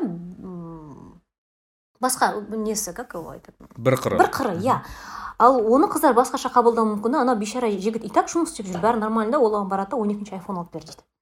Ә, мүмкін ол жігіттің білмеймін бір анасы ауыратын шығар. Мүмкін ақшаны лучше сол жаққа жұмсау керек шығар. Ә, мүмкін оның өз көтеріп жатқан ана артынан өсіп келе жатқан бауырлары бар шығар иә мысалы. Біз бір күнмен өмір сүре алмаймыз ғой. Ал мысалы сол қыздар айфон алып алады да сонда мен ойлаймын ішіндегі жан дүниесі тыныштала ма? екен сол соны біле тұра да что ол ол бес жүз мыңды білмеймін мүмкін үйінде ә, бір ә, әке шешесі үй көтере, көтере алмай жатқан шығар иә мысалы үй салып. Ол бес жүз мың явно не лишний да былай қарасаң. А саған не особо и нужно. Ну то есть ә, слепо сондайларға мысалы ақыл жоқтығынан деп сол ғой айтқан бір санасы жоқ та. Әйтеуір естіді ма сөйтіңдер дейді да барады да бас сала соны істей салады. Сен оны кішкене қолдан бірақ басқа кезде қолдан сен уже ә, ер жігітің кішкене нық аяғына тұрып мысалы ә, жақсы ақша тауып жатса бірақ сол жақсы, жақсы ақша тауып саған ешқандай сыйлық жасамай жатса бірдеңке істесе сөйтіп істеп көр да ал бас сала мысалы оның жағдайы жетпей жатса маған ананы алып бер маған мынаны алып бер меніңше ол өте бір, бір ақымақтық сияқты да. Вот. И сосын бағанағы сіз айтқан инста иллюзиялар қазір барлық тыңдармандарға да айтатын нәрсе проблемасы жоқ отбасы жоқ. Әрбір ә, не бар ғой кімнің сөзі бар ғой? Каждая семья счастлива одинаково несчастлива по своему деген толстойдың сөзі? Толстойдың сөзі иә. Ә, әрбір от, бақыт деген бәріне бірдей. Мальдивада демалу вот басы аман дені сау машинасы бар анау да мынау. Енді вот бәріне бақыт деген ортақ нәрсе да вот счастливы одинаково. А несчастливы по своему деген ол не? Біреуінің күйеуі ішуі мүмкін біреуінің күйеуі қол көтеруі мүмкін біреуінің әйелі мысалы күйеуінің отбасын сыйламауы мүмкін. Ә, білмеймін тағы да біртүрлі қылықтары болуы мүмкін да.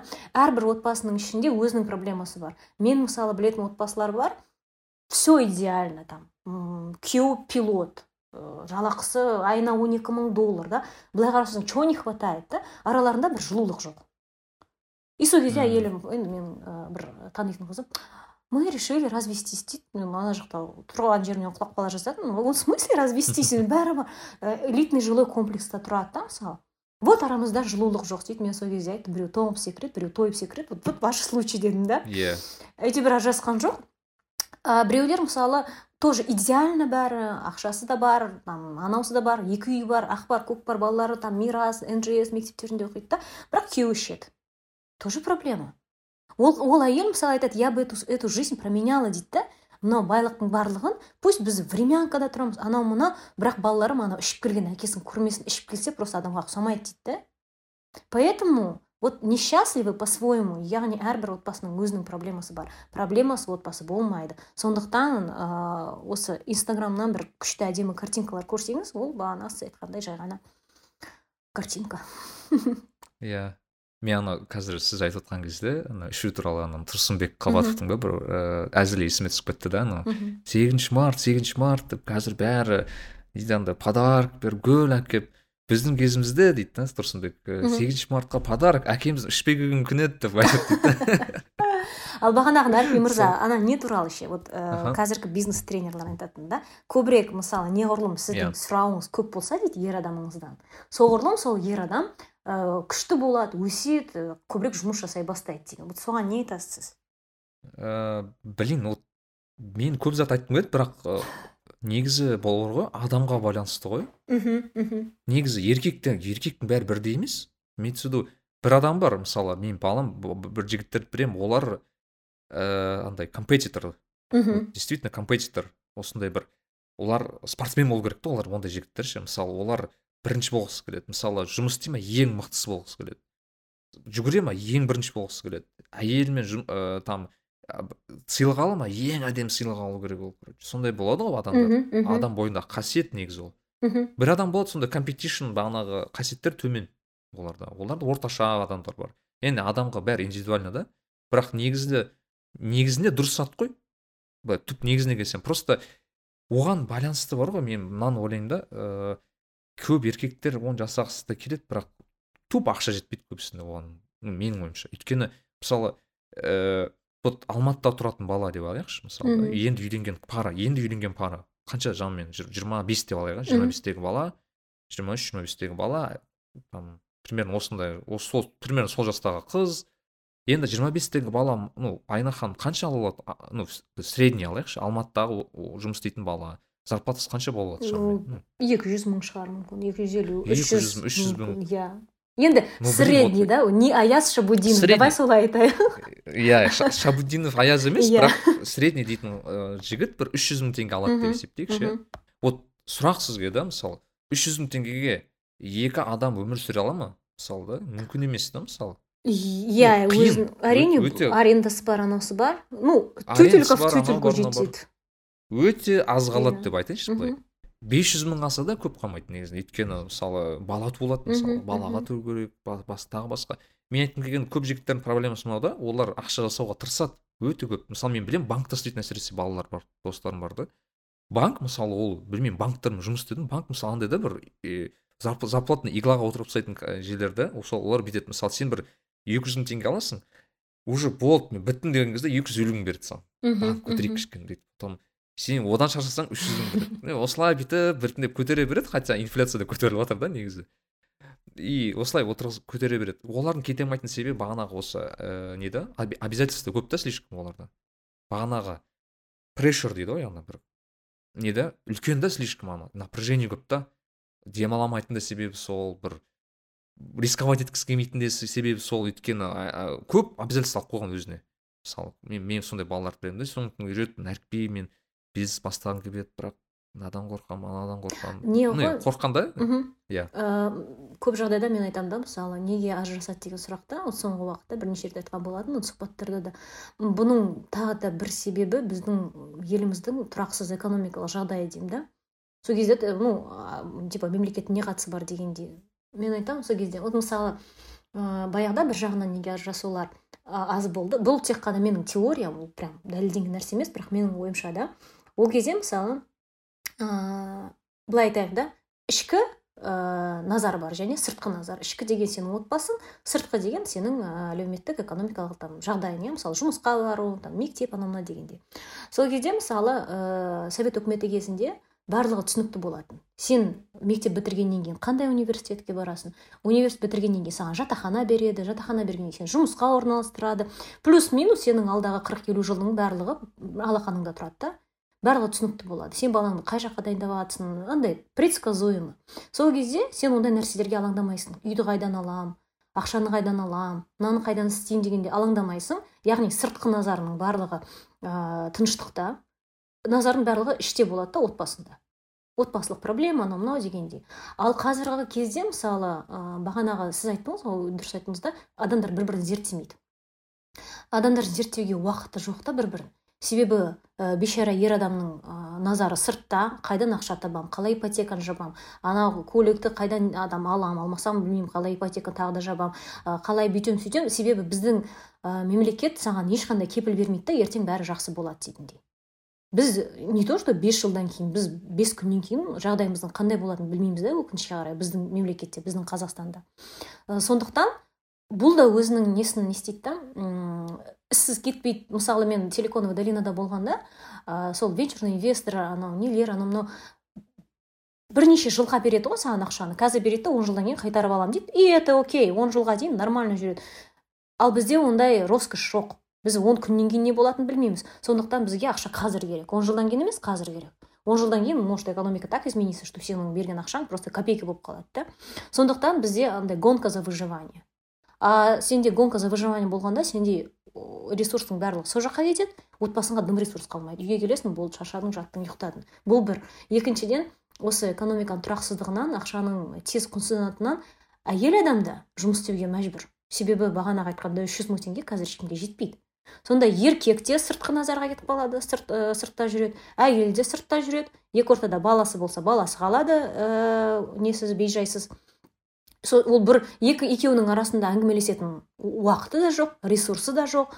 Сонымен бір бірін танымайды білмейді екеуі бір біріне бөтен сияқты болады. Сөйтіп отбасыда мысалы ажырасып кетеді. Вот. Иә бұл ыыы білесіз бе бұл экономикалық былай көп ыыы адамдар оны есеп елемейді да. Мысалы мен алдында да бір подкастта айтып едім. Мысалы жақында досым сатпаевтың бір күшті бір ііі мына аудиториум деп айтылатын бір проект бар да. Сол кезде қазақстан жалпы проблемаларын сырттай былай экономикалық тұрғыда жалпы былай политикалық тұрғыда ыыы саралайды да. Сол кезде мысалы қазақстандағы бедность дейді соны не істеді да кедейлікті зерттеді да. И блин вот мен ана оқ- көргеннен кейін шынымен жаным ашып кетті да. Неге ажырасулар? Конечно ажырасулар болады дедім Әрине, ана иә. көргеннен кейін.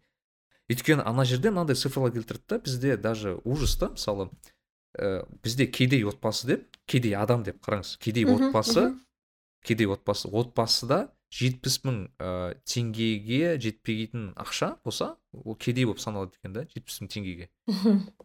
Мен просто отбасыларды білемін айна ханым. Оларда бір елу отбасыға примерно елу мың теңге табады адамдар мысалы да.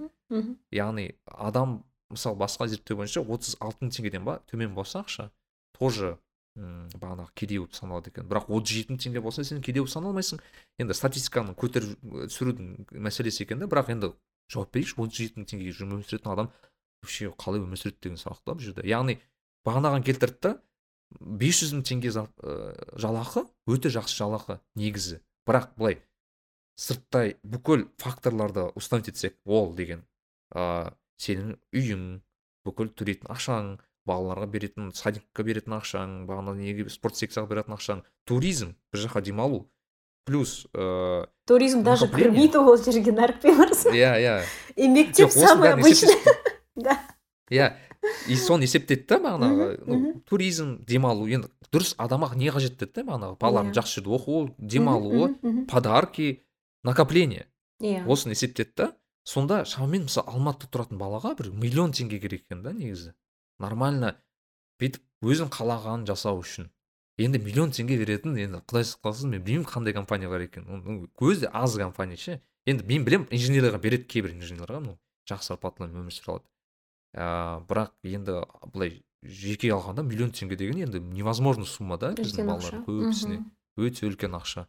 Сол жағынан әрине ойланасың ыыы действительно адамдар выживать етіп отыр негізінде ол жағынан. Енді бұл кәдімгідей үлкен проблема. Сосын сол ажырасудың көп мысалы сол шағымданатын әйелдердің себебі ә, күйеуім жұмыс істемейді анау мынау дейді да мысалы ақшаның жетіспеушілігі ә, білмеймін номер бір наверное точно. Ә, сондай проблема да. Ам, ал бір жағынан екінші проблема бар да мысалы күйеуім жұмыс істемейді дейді мысалы жұмыс таба алмайды. Ә, бірақ ә, таксовать еткісі де келмейді дейді мысалы. Ну не для меня работа деп отырып алады дейді. Вот сондайларда не дейсіз мен өте өйткені өп, өте көп осындай кейстарды білемін. Маған келіп маған ажырасқан айтқан кісілер бар. Мгм. күйеуім просто жұмыс істемей қойды деді болды. Жатады мен жұмыс вот істеймін деген маған да негізі қызық феномен мен оны білмеймін өз өзіме мысалы просто психологиялық тұрғыдан түсіндіремін да.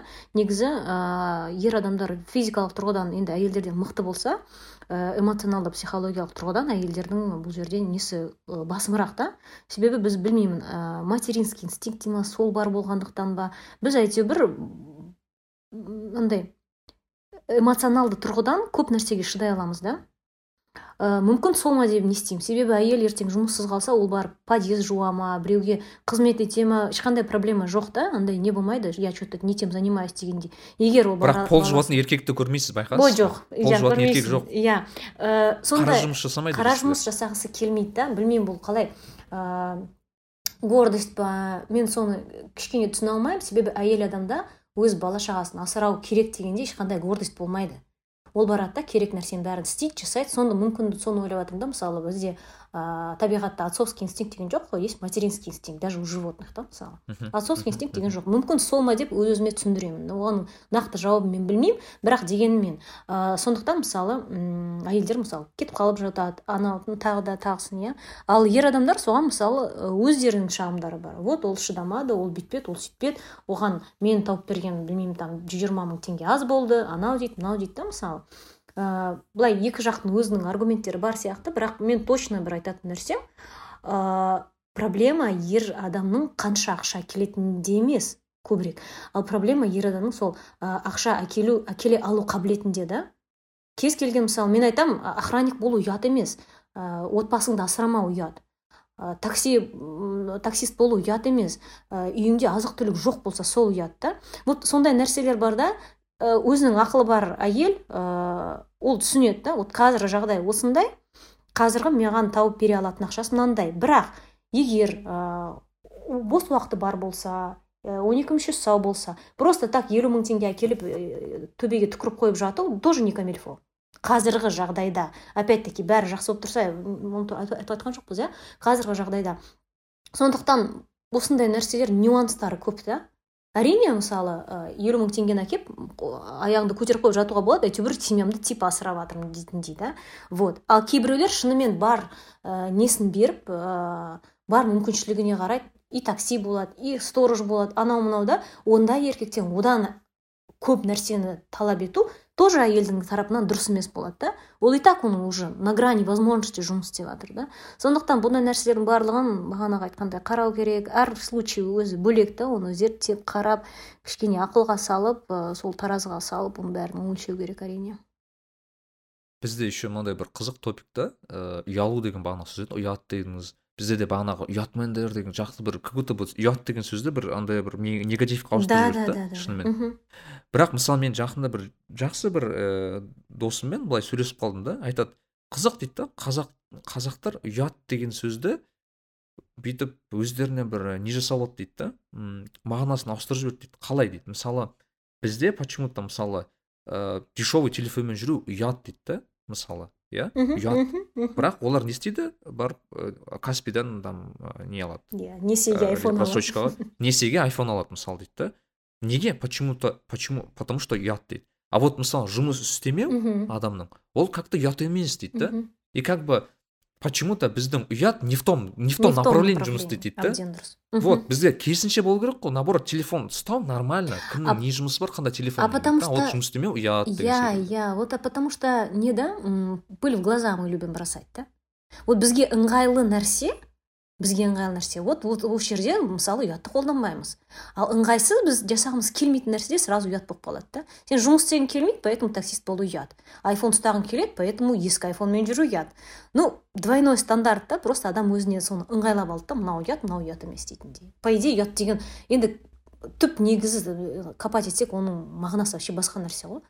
Вот старый айфон ұстап жүру вообще ұят емес мысалы. Менде де сөйткен бір ә, мен қайда бенедормға заплывқа барған кезде ма сол кезде бір ә, адам жазған ә, вот айна ханым а нет адам емес менің танысым бірнеше танысым вот испанияға барып келдіңіз анау мынау сол путешествияға ақшаны қайдан табасыз? дейді да қолында сол кезде соңғы айфон. Сонда мен айттым вот сенің қолыңдағы телефоның соның құны деймін да. Тура мен барып келген соның ненің саяхаттың құны. Бірақ менде ондай телефон жоқ. Бірақ дегенмен мен саяхаттадым. Ал сенде ондай телефон бар. Еще плюс сен оның несиесін тағы бір жыл бойы төлейсің. Вот и все простая математика. Андай не секілді бұл еще бір термин бар еді оған байланысты? Проблема временщика деп па дейді ғой? Временщик деген кезде андай ә, бір адамдар бар мысалы мен қазір айтам да сен айфон аласың бірақ күте тұр немесе мен саған қазір айфон беремін бірақ сен оны төлеп жүресің деген секілді да мысалы. Немесе ну бағанағыда көбінесе адамдар қазір сұрайды ғой маған именно қазір керек ол айфон маған именно қазір істеу керек. Яғни проблеманы дәл қазір шешу керек деген секілді шыдамсызбыз біз. Шыдамсыздық иә шыдамсыздықтау сияқты. Сондай бір проблема бар секілді шынымен. Еще біздің неде мен айтамын да әрқашан вот ә, біз қазақтар жаман жақсы емеспіз. Но біздің басқа ұлт сияқты да бір жақсы қасиеттеріміз бар. Және онша жақсы емес қасиеттер. Вот онша жақсы емес қасиеттердің бірі біз сырт көзге жақсы болып көрінгіміз келеді да. Үйіміз әдемі болу керек үш жүз адамға добырлатып той жасауымыз керек қолымызда айфон болу керек қорамызда камри болу керек та. По сути вообще ешкімге керек емес нәрсе. Иә мысалы мен айтам ыыы бір менің бір досым бар да ыыы вот ол ол бала примерно менің жасымда үйленгісі келді. И мәселе андай да ыыы бала өзі отбасында жалғыз өзі асырап тұрған жігіт еді да. Яғни әке шешесі енді жұмыс істейді енді өте аз алады пенсиядағы кісілер. А ол бала енді білмеймін қанша сағат аптасына күніне жұмыс істейтін сол кезде айтады да мен енді прям ә, чуть здоровье не положил дейді да потому что расымен ана бала короче жұмыс істемеген жері жоқ алмаған проекті жоқ. Ә, сөйтіп жүріп әрең той жасайды тойды өзі де организовать етеді соңында қызды өзі табады ата анасымен өзі барып келіседі. Енді ана баланы көріп жаным ашып кетті мен соны көрдім ана баланың өмір деген енді мәз емес деп. И оған енді ешқандай менің ойымша бір ұят ұят емес деген болмады да ол үшін. Енді ол түсініп өзі өзі ғана қалғанын түсінді да. Енді үйленгім келсе мен енді ол свыкся с фактом да. То есть бұрынғыдай біз кішкене азырақ той жасай салайын деген болған жоқ ладно раз уж так бопты солай жасайық деген секілді. Яғни бірақ ол әр, әр адам жасай алмайды. Мысалы ол ол жігіттің мысалы шыдамдылығы жетті өзінің компетенциясы жетті ондай деңгейде жұмыс істей алу. Бірақ ана баланың енді білмеймін бір екі жыл андай не ә, не дейді physically exhausted дейді ғой ана сондай бір Иә, иә. burn out болған ғой кәдімгі ана жігіт сондай жас- жасау үшін. Әрине бақытты ма қазір? Бәрі құрсын бақытты иә бәрі дұрыс. Соны, құдайға шүкір деймін бірақ ана жігіттің екі жыл бойы қиналып кеткенін көріп мен жаным ашыды шынымен ана. Мен мынандай мәселені қозғағым келеді да қайна ханым мысалы бізде ә, біз қазақ халқымыз иә бізде көптеген өзіміздің традицияларымыз бар бағанағы. Бірақ біздің мен кейде қозғаймын да осыны біздің көп мынау нелеріміз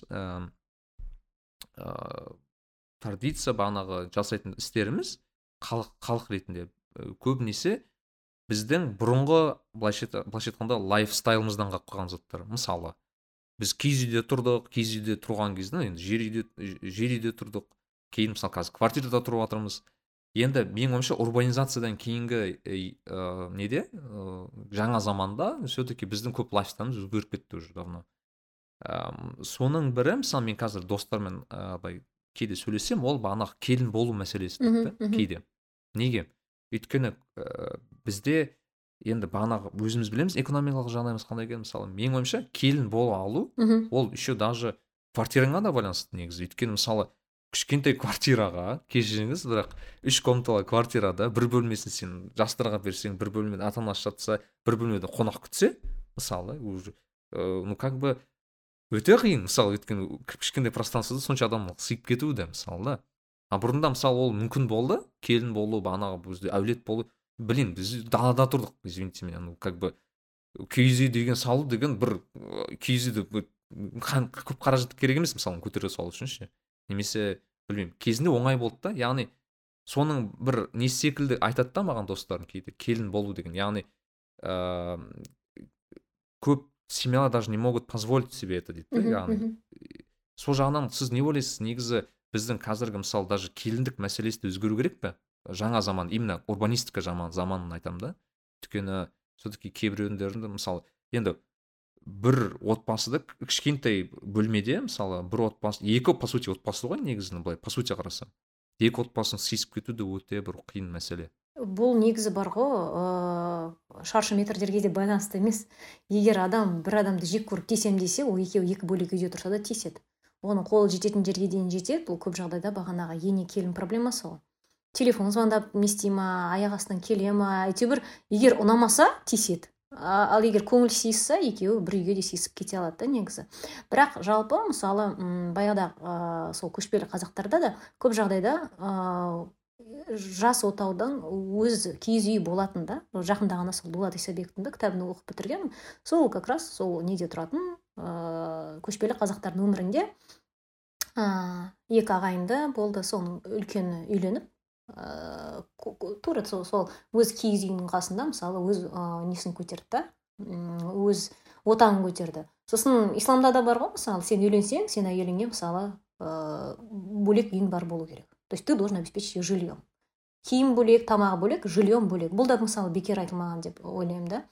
Эм, негізі ә, бағанағы м, салт дәстүр дедіңіз ғой ол тамыры терең кеткеннің плюсы да бар минусы да бар иә. Мысалы салт дәстүр ол ә, біз біз ұлтымызды ағаш ретінде қарасақ салт дәстүр ол біздің тамырымыз да. Ә, тамыр неғұрлым терең кетсе соғұрлым мысалы ә, ағашы нық тұрады да мысалы. Бірақ соғұрлым ол ә, қозғалмайтын бір не болып кетеді да. Ол кейбір мүмкін вообще өліп қалған тамыр шығар ол керек емес те шығар дегендей иә. Ә, бір жаңашыл өзгеруге кедергі болады бірақ дегенмен белгілі бір бір стержень сақтауға көмектесетін сияқты. Бірақ менің ойымша оларды ә, біздікі мүлдем дұрыс емес деп қарамай оны зерттеу керек та неліктен баяғыда түнде тырнақ алмау керек деді. Себебі бағана өзіңіз айтқандай бір киіз үйде тұрамыз да сен тамақ жейтін жерің де сол ұйықтайтын жерің де сол тырнақты түнде алсаң ол сүттің ішіне түсіп кете ма құдай білсін свет жоқ қой ол кезде. Ә, жерге түсіп кете ма ертең оны жорғалап жүрген бір ә, бала аузына салып ала ма фиг пойми естественно түнде тырнақ алмайсың да? Қазір құдайға шүкір ванна бар свет бар түнде алсаң түк болмайды да.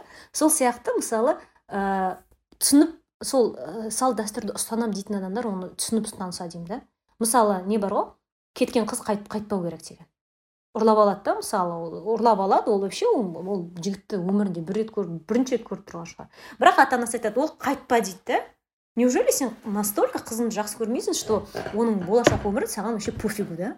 Біреу какой то адам алып кетті просто бағанағы ұят болмасын деп салт дәстүрді сақтаймыз деп қайтпа дедім. И киднаппинг қой негізі былай қарасаң. Киднеппинг конечно ол статья ғой былай қарасаң. Вот и ә, сол кезде мен айтамын да ол баяғыдағы қызды неге қайтармады? Себебі ә, біріншіден ол алысқа кетуі мүмкін үш жүз шақырым жерге кетуі мүмкін. Ол қалай ол жерден жаяу қайтады? Явно оны бір ә, қасқыр жеп қояды орта жолда. Екіншіден непонятно сен кетіп қалдың да ол келгеннен кейін сенде жыныстық қатынас болды ма жоқ па да ол кезде ол важный нәрсе. Екі қабат болып қалдың ба вдруг? Екі қабат болып қалдың а ертең ол мысалы уже не признает отцовство да потому что қыз кетіп қалды да и уже непонятно от кого беременна дегендей. Вот. Сондай сондай нәрселер бар да. Ал қазір гинекологқа бар ол саған жиырма минуттың ішінде қарап айтып береді. Был секс или нет дегендей да ол әңгіменің ашығын айтатын болса. Просто сондай нәрселерді кішкене бір зерттеп қарау керек та. Неліктен біздің қазақта сондай салт дәстүр болды. Оның тәңірі қайда барады? Түп негізі қайда дегендей иә? Вот. И сол сияқты мысалы баяғыда келін ене ара қатынасы басқа болса қазіргі менің ойымша қазір де өзгеру керек. Себебі бағанағы айтқандай экономикалық жағдайға байланысты ер адамның мысалы стержені мысалы жұмыс көп істей алмай мысалы білмеймін или жұмысқа тұра алмай стержені сынады да қалады мысалы а отбасын асырау керек әйелге жұмыс жұмысқа шығу керек. Енесі бармайсың дейді да и все жанжал басталады. Вот енесінің түсінігінде барлығы баяғыдай болу керек. Келін тек қана үйдің ішін жинап жуып а вот анау жұмыс істеу керек иә. И все и непонятки болса но заман өзгерді анау жұмыс істей алмайды уже келін шықпаса ол никак та мысалы ну вот сондай сондай мен бір сіздің мен бір сіздің подкастыңызды тыңдаған кезде ыыы фанди бидамет сол кезде сіз айтып едіңіз мысалы мен ыыы келін болып жүрген кезде ііі кітап оқудың өзіне бүйтіп уақыт тауып алатын әрең деп бүйтіп па сол айтқан спорт анау мынау деген болмады нет конечно болмады. иә мен ә, мен тек қана осы кішкентай жасымнан кітап оқып өскен адаммын да. И мен де сол мысалы келіндіктен өттім. Үйде мысалы ә, көмекшілер бар болса да сен бәрібір ұйықтап жата бермейсің ғой түске дейін. Бәрібір тұрасың дайындайсың тамағыңды анау мынау. Әлі есімде мысалы енем бір жаққа кетіп қалғанда ә, мысалы күйеуім айтатын а вот достары келді есім о давайте там караокеға анда мында барайық дейді да мысалы. О жиналыңдар барайық сол кезде мен айтамын а мен қалай кетіп қаламын да қазір мысалы маманың жоқтығын білдірмеуім керек үйде мысалы атам бар да. Ол қазір тамақ жегісі келіп қалса оған кім тамақ береді? Сол кезде мен мысалы қаламын да күйеуім кетеді караокеға достарымен бірге. Вот сондай моменттер ол, ол как бы менде де болды мен де одан өттім. Бірақ ә, ата енемен тұрғанның өзінің плюстары да бар. Көп жағдайда мысалы келін ештеңке істеу білмесе ол көп нәрсені үйренуі мүмкін әбден. Сосын ә, кішкене бір туыстық қатынас пайда болады да сен күнделікті адамды көргеннен кейін уже өз туысқан сияқты ә, қабылдайсың да. Ә, сондықтан мысалы мен екі жыл екі жарым жыл бойы ата енеммен бірге біз тұрдық ә, жаман болды болдым деп айта алмаймын мысалы. Ә, сондықтан бұндай нәрселер кей кезде керек. Мысалы бірден алшақ тұрсаңыздар мүмкін араларыңызда ондай жақындаспайтын да шығар да сондай нәрселер. Сондай нәрселер бар мысалы. Бұл жерде тағы бір бағана біз қозғаған мәселе ол бағанағы коммуникация секілді да. Мхм. Яғни мысалы вот сіз мысалы келін болдыңыз сіз қаншалықты өзіңіздің енеңізбен мысалы коммуникация құра алдыңыз бағанағы? Өте қиын ғой мысалы бізде өте қиын. Көп көп келіндер көп келіндер. Енесімен сөйлесуге тіпті қорқады. Мхм.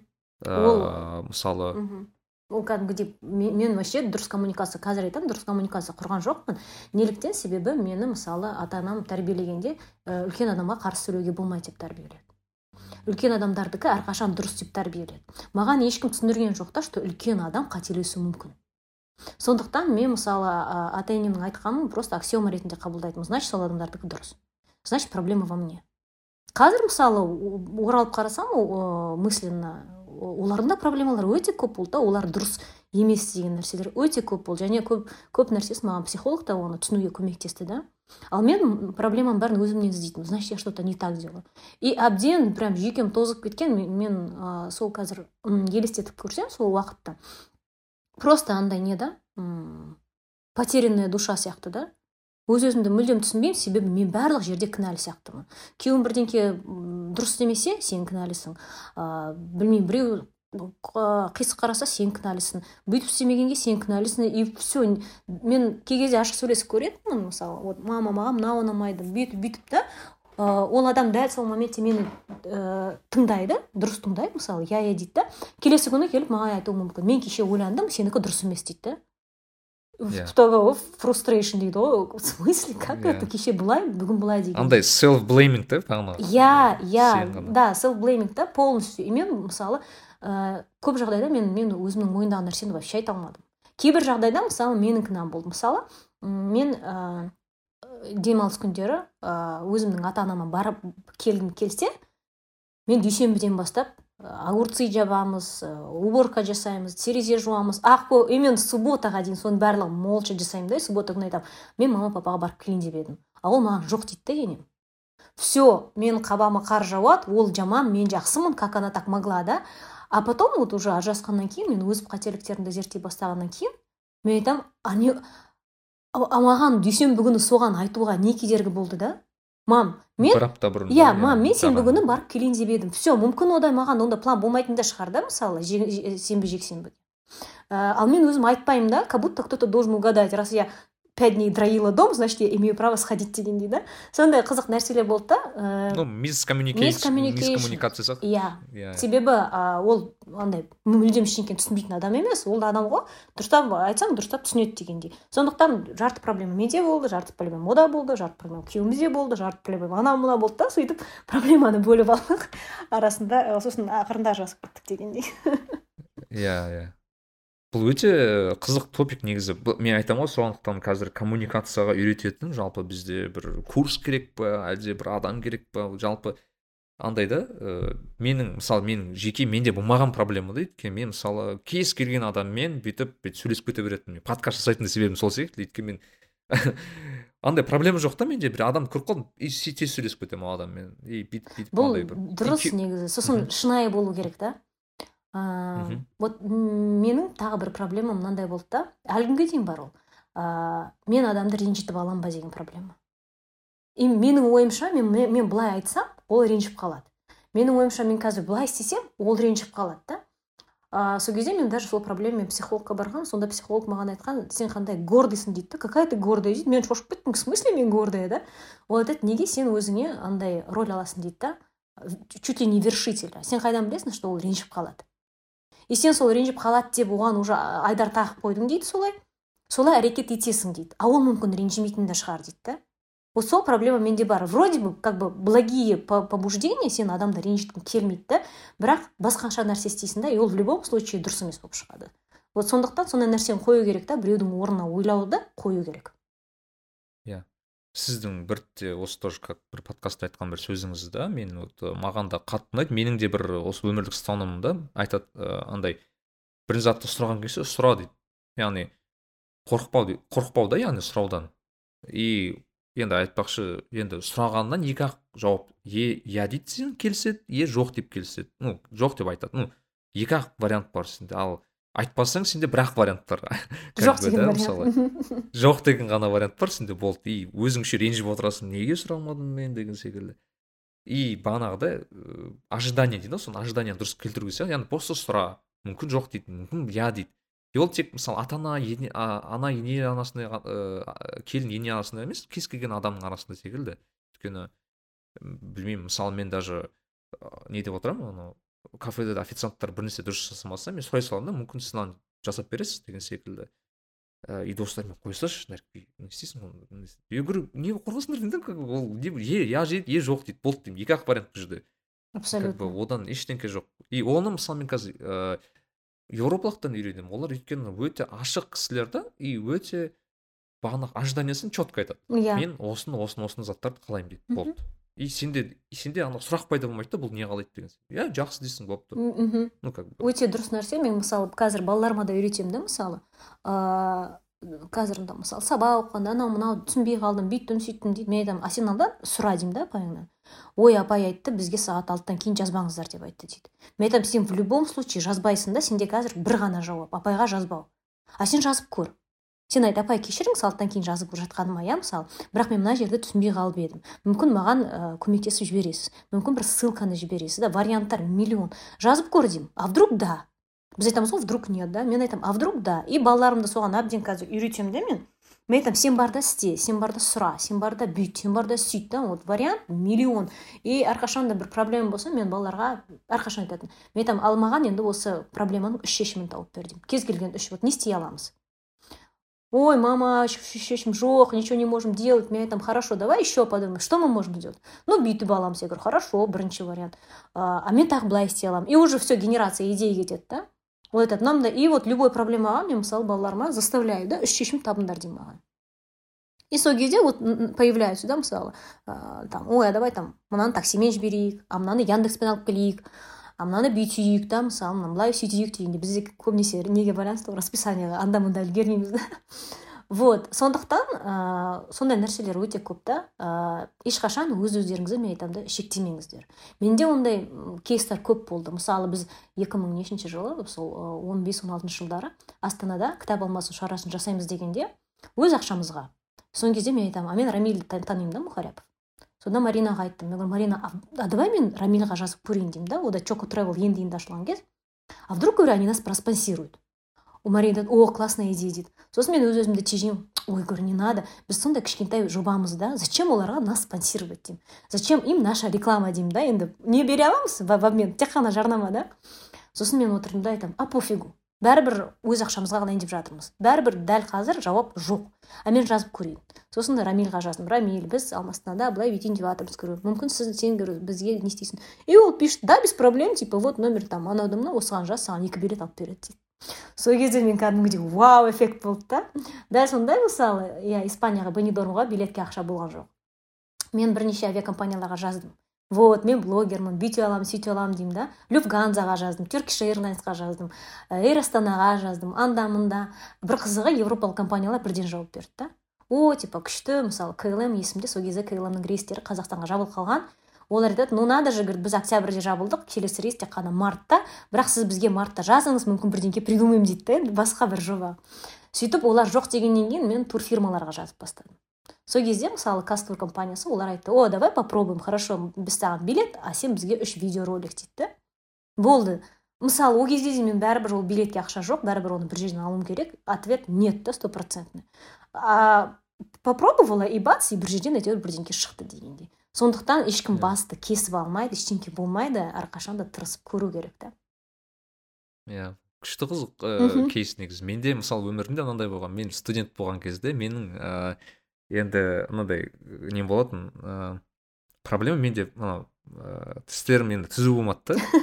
И мен всегда бректі алғым келетін и бірақ мен әке ата анамнан ақша алмайтын бірақ блин брекет алу керекпін түсінемін да өйткені ана бір дискомфорт та кәдімгідей өйткені ну өзіңді андай бір не сезінбейсің ыыы толыққанды қылып сезінбейсің ба біртүрлі болатын да сондай. И мен ә, бір күні просто бір неге бардым бір таныс ыыы ә, стоматологияға барғаным есімде өзім білмеймін дерзкийсің ғой бүйтіп кірдім да айттым. Мен короче брекет салуым керек салып бере аласыз ба дедім бүйтіп бүйтіп қарады. Иә деді салып бере аламын. Онда мен де сізге онда былай істейік дедім. Сіздерде сайт жоқ екен. Менде мен сайт жасап бере аламын дедім. Давайте мен сіздер мен сіздерге сайт сіздер маған короче өлтіріп не жасап бересіздер. Брекет жасап бересіздер дейді. Анау былай былай ойлады ладно давай деді. Брекет жасап алған есімде. Күшті кейс. ну айтқым келген всегда бір решение бар сен балаларға айтамын ғой а что так можно было дейді да конечно вот. Я говорю вот негізі былай да сен ақша беріп брекет салсаң ол товарный денежный отношение ғой бәрібір. Жалпы әлемнің барлығы сауда саудадан тұрады ғой. Бұл да сауда ғой просто товарный товарный отношение да. Тоже сауда. Сен оған мысалы сайт жасайсың а ол саған брекет береді да. Бәрібір бір товар алмасу болады. Сондықтан ә, бізде просто миымыз андай ограниченный да тек қана ақшаға тіреліп қалғанбыз как будто бір нәрсені тек қана ақшаға алуға болады. Хотя оны басқа услугаға да алуға болады да мысалы. Нарик билай вот ә, айна ханым сіз мысалы бағана психолог туралы жиі айтасыз да. Вот мен ә, даже мен мысалы психологқа баратын адаммын өзімде. Ыыы жиі деп айтпаймын бірақ арасында барамын. Менің өзім айтайық бұны соңғы бір жарым жылда ғана бастадым да оны істеуді яғни оның керек екенін ол да бір оған тек ауру адамдар бармайтынын да түсіндім да енді Психтар емес па?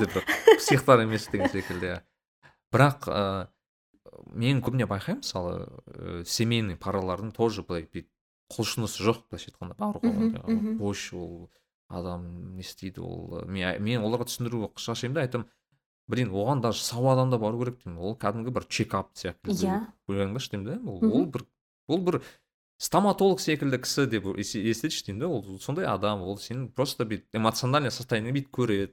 Мүмкін саған саған бір бере, бере, керек бір заттар береді деген секілді. Бұл жағынан керек деп. А бір адамдарда прям асқынып кеткен кезде біздің қазақ ана уже өлейін деп могилаға кетіп жатқан кезде иә өлейін деп жатқандай барады ғой иә. Уже ажырасайын деп уже қырық пышақ болып жатқан кезде барады да психологқа. И андай ожидание еще ол шешіп береді деген сияқты иә иә. Секілді как Мгм. будто, ну и маған сол психолог кісілер де айтады да біздікілер өте андай қиын екен ол жағынан деп. Вот қалай айт түсіндіруге болады да неге психологқа бару керек адамға все таки вот ну әсіресе параларға мысалы пара деген енді ерлі зайыптыларға Э, қызық сұрақ себебі мен, мен өзіме де сол сұрақты қойдым да. Ә, нақты бір жауабын таба алмадым себебі бағанағы айтқанда оның барлығы эгоға тіреледі да. Сен психологқа барғанда өзіңнің идеальный емес екеніңді түсінесің да. Ә, и өз өзімен жұмыс істеу керек. Вот неге мысалы қара неге психологқа адамдар аз барады да? Бірақ түрлі түрлі андай курс марафондарда прям не. М, солд аут да? Блогерлердің әсіресе иә иә просто орын жоқ та вот. Себебі бізде миымыз бізді алдайды да? Мысалы сен психологқа барғанда сен дайын жауаппен қайтпайсың. Психолог саған вообще жауап бермейді ол саған қайта сұрақтар қояды да? Жауапты сен өзің айтуың керек. Бұл ұзақ процесс. Ал біз ә, бағанағы айтқандай шешім бізге дәл қазір керек та. Ол дәл қазір дәл осы уақытта керек. Бұл ұзақ процесс еще ол процессте сен өзіңе сыртынан қарайсың да и что то ты не очень екенін көресің да это не хочется. И ал неге андай марафон марафондарда адамдар көп? Себебі ә, ол обманный маневр да бізді миымыз алдайды. Мен мына ақша төледім мен марафонға жазылдым мен уже бірдеңке істедім.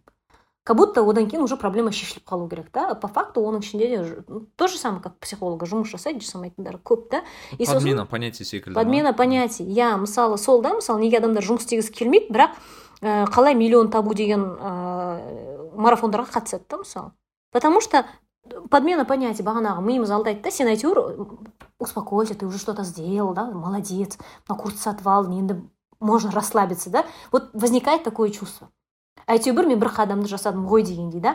Ал реальный қадамдарды жасау ол біріншіден сен түсінесің ғой бір қадамнан байып кетпейсің екіншіден бұл ұзақ уақыт алатын нәрсе екенін түсінесің да? Ал біздің ә, миымыз қалай жұмыс істейді? Вот как ә, айтады ғой как любая система мы стремимся к покою и бездействию.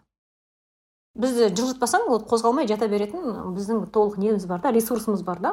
Сол сияқты ә, миымыз бізді сондай нәрседен қорғайды да. Бір жұмыс істеп қиналып анау мынау біздің подсознаниемыз біздің күшті не ғой антивирус. Ондай нәрселерге жолатпайды зато ә, просто эффект не береді да андай подмена. Әйтеуір сен курс алдың ба ну и все успокойся дегендей М, менің ойымша бұл ана мидағы дофаминді деп көтереді секілді типа Ну, типа «О, того. красавчик иә иә әйтеуір сен молодец». бірдеңке істедің да уже completed товарно денежные отношения бағана ақша бердің бірдеңке уже сразу алдың да. И сенің миың галочка қояды. Все молодец. Миллион айына миллион табу жолында сен бірдеңке уже істедің. Все а психологқа бардың без ничего пришел вроде де- деньги отдал а результаты ноль. Ақша ек- екінші сеансқа бардың ақшаны бердің результат жоқ. И сенің миың галочка қоя алмайды да бірдеңке істелді дегендей галочка қоя алмайды. Все и сен соны жүресің да и, как будто нәтиже болмайтындай да мысалы сөйтіп кетіп қаласың. Вот ә, сосын неге ерлі бармайды себебі ә, қай кезде бару керек? Уже әбден шиеленіскенде сол туралы есіне түседі ғой психологтың бар екені да. Ал әбден шиеленіскен кезде олар уже анандай неде болады да состояние вместе ничего не хочется делать. Хочется все делать по отдельности. До такой степени бір біріне ерлі зайыптылар жау болып кетеді да сол уақытқа дейін мысалы ә, ситуация сол шиеленісіп психологқа баратындай деңгейге жеткенге дейін араларындағы қарым қатынас до такой степени жаман болады да уже бірге ештеңке істегісі келмейді. Бірге психологқа бармақ түгіл просто бір төсекте жатқысы келмейді. Сондықтан бағанағы сен айтқандай ол терапияны по чуть чуть по чуть чуть ерте бастаса болады да и не обязательно там парная терапия. Сен барып өзіңді де танып ал отдельно походи посмотри да. Вот ә, ну как бы сондай нәрселер в любом случае керек. Сосын просто барып тек қана саған бір ситуацияны айтса мысалы реніш туралы күйеуіңе реніш туралы ситуацияны айтса көп жағдайда ә, біздің миымыз қайтадан сол ситуацияны как будто шешкендей болады да. И болды. А сен оны басқа өмірдің недес, ә, нелеріне ә, не примеряешь да? Сен мамаңа ренжуің мүмкін анда ренжуің мынандай. То есть сенің бір ренжу поведениең ол барлық нәрсеге әсер етуі мүмкін. А сен оны тек қана психологқа барасың сол маленький несін істейсің болды да? Вот ну так нельзя психологқа барғанда да ауқымды қарау керек та проблемаға? Мен вообще в принципе неге мен ренжи беретін адаммын да мысалы? Наверное там білмеймін. Мне кажется что я такой классный а психолог сказал что я не классный да и тут надо понять дегендей ну то есть любой проблема өте ауқымды да а негізі түп негізі екі ақ нәрсе да мысалы вот страх который вот нами движет да вот и тағы да ұмытып тұрмын қазір есіме түссе айтамын ну то есть все туда упирается и все иә иә менің бір қызық бір история бар. Мысалы менің бір досым тоже психологтарға жиі баратын жігіт. И бір айтады да маған ә, бірде ә, бір бір кісіге байланысты мен жаңағыдай бір высокомерие ма сондай бар болатын дейді да бір кішкене бір бір қабылдамау дейді да оны бір бір бір, бір кісіні тупой санау дейді ғой бізде былайша ана че блин капец тупая деп іштеп айта беретін. Содан ә, неге психологқа барған кезде маған мынандай затты түсіндіріп беріпті дейді да. Ол оказывается кейбір әйелдерді в принципе ә, қабылдамағысы яғни өзін жоғары санайды екен да. Әйелдерден иә? Иә иә иә. И соны зерттеген кезде қайдан келді десе енді енді ұзақ бар, ұзақ барған ғой психологқа сөйтсе қай жақтан табылған десеңізші кішкентай кезінде бесікте жатқанда оны ана укутывать дейді ғой бүйтіп қатты иә, укутывать иә, ете иә. берген баланы ана бүйтіп жынданып бүйтіп шыққысы келген и типа бүйтіп тырысып алады екен да кішкентай кезінде содан тауып алған ғой ойлаңызшы сондағысы адамның ә, көп проблемасы сол даже вот даже төсекте кішкентай баланың несінен басталады дейді да яғни ол бір соны соған қарағанда айтады да ну психолог кісілер сау адам жоқ дейді да негізі. Сау адам жоқ. Мхм. Ә, бәрінің бір ә, бір ә, кетіп қалған жері бар дейді да енді былайша проблемасы иә. ойланасың мә біз вообще кейбір адамдар мүлдем бармайды ғой дейсің да кейде. Иә бұл негізі кейбір адам емес почти большинство бармайды ғой негізі көп адам бармайды. Сосын бір қызығы да сен не психолог не сен өз өзіңе көмектесе алмайсың да пока сенің бір кәдімгі бір желаниең жоқ та ә, ко- психологтар мысалы ешқашан ә, біреу итеріп итермелеп айдап әкелген адаммен жұмыс істемейді. Мысалы көп жағдайда мысалы мен білемін ғой күйеуі ішеді әйелі оны наркологқа ма психологқа ма айдап әкеледі да. Тәуіп немесе тәуіпке апаратындар иә бар. ол ол ешқашан көмектеспейді. И психологтар сразу сұрайды. А, былай сұрайды да енді кәдімгі тәжірибелі психологтар олар былай айтады пусть он мне позвонит и запишется дейді. А ол өмір звондамайды. Ол жұмыс істемейді да сен ішкі бір сопротивление болып тұрса саған не психолог не өзің не басқа біреу вообще көмектеспейді. Сондықтан бағана бірінші айтқан нәрсе ең біріншіден мойындау керек та иә менде сондай проблема бар дегендей. Бірақ тағы да не бар? М, совсем психолог қанда подсели дейді ғой. Сонда ол ол бөлек проблема. Ол уже әрбір қадамын тек қана психологтың психолог. иә иә Иә, рұқсатымен мынау мынау істейтін да ол уже другая крайность та сондықтан андай не жоқ та бізде андай ыыы сараптап білу керек та где моя крайность да куда я не туда ушел деген психологты да еще кстати таңдай білу керек Иә, екен. Өйткені ол да бар. Мхм өйткені мысалы негізі мен жақында бір кісімен сөйлестім да өте бір діни өте бір ді- діндегі өте қатты жақсы білетін кісі. Ә, сол айтады да негізінен психология ол ә, дінге бір қаса бір қатысы жоқ зат дейді да негізі. Өйткені екеуінің мысалы дін мен психологияны зерттеу объектісі екі түрлі зат дейді да. Мысалы діннің негізгі зерттеу объектісі ол құдай болса ал психологияны зерттейтін объектісі ол адам дейді да. И екеу бір ек- екі көзқарас дейді да былайша айтқанда. И көп психологтардың мысалы бір мен мен болған мысалы бір кісілерге барасың мысалы дінге мүлдем қайшы заттар айтып кетеді да. Мен айтасың мен оны істей алмаймын өйткені ол не то чтобы мен қарсымын оған дін қарсы деп түсіндіреді да как бы. ол сіздің айтып отқаныңыз ғой А, десем и кейбіреулер кейбіреулер бар ой это установки я говорю это установки емес это шариғат дедіңіз ба? Иә соны түсіндіремін. Негізі, мен оны былай не деп қараймын да ә, толықтыратын нәрсе деп қараймын да. Мысалы адам намаз оқуға ерінеді дейік иә мысалы. И ол психологияның көмегімен өз өзіне сұрақ қояды. А неге мен намаз оқуға ерінемін да? Мысалы сенім бар алла тағала деген иә? Мен түсінемін да вот бес мезгіл намаз оқу. Неліктен мен ерінемін да? Или неліктен мен мысалы м, шариғаттың мынау мынау нәрселермен ыыы келісемін а мынау нәрселер келіспеймін. Келіспеймін деге- деген яғни демек ішімде менің бір қарсылық бар. Неліктен менде қарсылық бар да? Бұл жерде уже психология арқылы өзіңді зерттейсің да өзіңді түсінесің. Неліктен маған діннің мынандай мынандай нәрселерін ұстануға менде қарсылық бар. Вот мен солай қараймын да яғни оны толықтыратын бір элемент ретінде. Иә менің достарым бар кстати норм басқа жерде оқып имандыққа оқитын балаларға әрқашан айтамын да психологияны өте зерттеңдер деймін да. Өйткені имамдар әсіресе ол білу керек өйткені сен халықпен жұмыс істейсің сен халықтың психологысың деймін да былайша айтқанда. Одан басқа не да? Ә, психология деген ол өзі өз өзіңді зерттеу. Ә, өз өзін зерттеп өз өзін түсініп ә, исламға келген адам ол просто иманның сөзін тыңдап алып слепую келген адамнан әлдеқайда бір артық демей ақ қояйын иә? Бірақ ә, ұзағырақ болатын сияқты да дінде. Мүмкін мәңгілікке болады да енді ә, иншалла. Иә андай не андай ұзаққа жететін несі ұзаққа себебі ол порох порох. Иә себебі түсініп келеді да вот өзін түсініп неліктен ол дінге келген өзі түсініп келеді. Ә, себебі мысалы көп адамдар былай ойлауы мүмкін да. Көп, көп адамдар вообще исламға қалай келеді? Өмірінде бір проблема болғанда анау көмектесе алмайды мынау көмектесе алмайды әйтеуір оған біреу айтады да сен намазға жығыл құдайдан сұра и бәрі күшті болып кетеді дейді да. Ондай меніңше бұл жол онша дұрыс емес. Неге себебі сен ол проблема шешілгеннен кейін сенің иманың әлсіреп кетуі мүмкін да. О проблема шешілді и постольку поскольку сен не своей головой пришел да меніңше сен ол жолдан тайып кетуің мүмкін. Көп емес енді бәрі емес кейбіреу деймін да. Ал кейбір адамдар мысалы өмірінде барлығы өте жақсы болғанда енді біреуге бір рахмет айтқысы келеді ғой. Ә, басымен түсінеді да что это не просто так. У тебя все хорошо не просто так. Оны, оны саған біреу қалап қойды дегендей. Сонда біреуге рахмет айтқысы келіп сол тұрғыдан келген адамдар меніңше бір исламда көбірек қалатын сияқты да. Себебі біз көп жағдайда проблема бар болған кезде біз көп нәрсені көрмейміз. Миымыздың жартысы тек қана проблема туралы ойлайды да.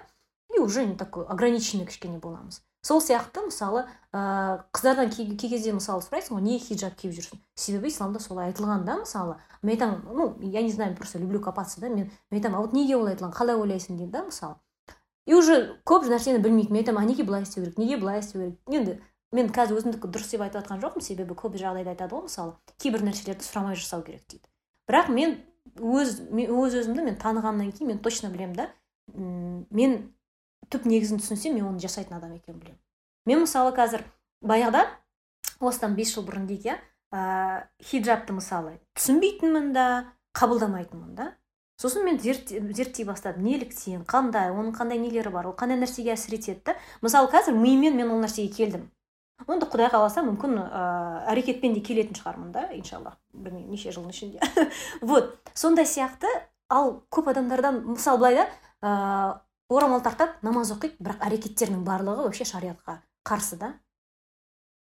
Там не знаю гаишник ұстап алса ақша бере салады мысалы да. Ол какой какой вообще при чем тут платок если сен уже коррупцияны не істеп тұрсың да уже ақша беріп тұрсың мысалы. Сондай сияқты нәрселер. Или мысалы отырады да өсектей бастайды ананы өсектейді мынаны өсектейді. Или барады да ә, ненің есіктің артына шығады да темекі тартады. И менде вообще диссонанс в смысле сен лучше орамал тақпай ақ қой чем осындай нәрсені двойной стандарттарды ұстағанша деймін да? Вот. Сондықтан вот кейбіреулер просто түсініп келеді кейбіреулер түсінбей келеді кейбіреулер там орамал тағады екі айдан кейін шешеді дегендей. Сол тұрғыдан меніңше өз өзіңді зерттеп түсініп келсең бұл әлдеқайда бір тұрақты нәрсе деп ойлаймын. Мхм. Қыздар ғана емес жігіттер де просто қазір вдруг ә, тыңдармандар ойлап қалады да. Иә иә. Ол ол бар зат. Бар зат білесіз бе мысалы мен көп көп байқаған әсіресе мынау ковидта ауылдарға барған кезде мен өзім қатты таңғалғаным көп адам намаз оқып кетті да. Ә, өмірде бүйтіп енді көресің ғой ә, көп ішетін адамдар біраз жығылды намаз сөйтіп енді қуанасың іште бірақ не үшін десем сол бағанағы затта енді ол кісілер қаншама адамдардың енді кетіп жатқанын көрді да өз көзімен көріп жатты енді қорқыныш пайда болады адамда іштей и сол кезде жығыла бастады. Да мен енді шын айтқанда қуандым бірақ қаншаға бұл запал жететініне вот ә, қаншалықты саналы түрде келді. Сол ғой маңызды yeah, иә, мысалы құранда да мысалы әрбір аяттың басталатыны сол ғой мысалы ойланатын адамдар үшін дейді да мысалы для людей думающих для людей размышляющих деп почти бар, барлық аяттарда солай жазылған да. То есть себебі бұны түсіну қиын да. Көп жағдайда біз поверхностно атрибуттарын ғана істейміз атрибуттарын ғана түсінеміз да. Ал негізін түсінбей жатамыз да мысалы и бұл меніңше бұл бұл да ұзақ жол да. Мысалы ә, құдай тағала біледі ғой ол пендені жаратқан өзі айтады ғой что они слабые дейді да. Ол түсінеді поэтому ол ұзақ жол. Мен мысалы қазір мен ә, супер прям бәрін түсінемін. Мен ә, ешқандай мысалы жамандық жасамаймын и вообще там ә, ешқандай мелкий крупный кінә жасамаймын деп айта алмаймын. Себебі мен түсінемін да бұл жол әйтеуір ә, бірақ оны да ә, асығып істеу керек. Потому что сен қай күні өліп кететініңді білмейсің да. И пока вот жүресің типа а алпысқа жақындағанда бүйтемін а, намазға жығыламын жетпіске жақындағанда бүйтемін там елуден кейін орамал тағамын так не пойдет потому что сен ертең өліп кетуің мүмкін да? Поэтому ә, мәселе мүлдем кінә жасамай или мүлдем не істемей ә, сондай емес. Ал мәселе соның барлығын азайтып күн сайын сол ну идеальный адамға дейік иә идеальный адамға қадам басып сол келу да и неғұрлым сол состояниені сақтап қалу. Бірақ даже сол состояниеға кіргеннің өзінде де кейбір уақыттан кейін белгілі бір нелерден сыртқы ішкі күштердің әсерінен ол иман қайтадан әлсіреп кетеді. Сосын қайтадан күшейеді қайтадан әлсірейді. Ол это работа на всю жизнь да былайша айтқанда? Вот сондықтан иә. қиын нәрсе да қиын қиын. Еще андай қызық мен ана үлкен кісілердің арасында мынау алпыс үшке толған адамдарға құттықтайды ғой. Пайғамбарлық жас иә, құтты иә. болсын деп айтады да. Мен сол кезде бүйтіп кішкене түсіндіремін да. Сіздер негізі о қаншалықты дұрыс деймін да ол құттықтау өйткені алпыс үш жаста пайғамбар қайтыс болған деймін негізінде.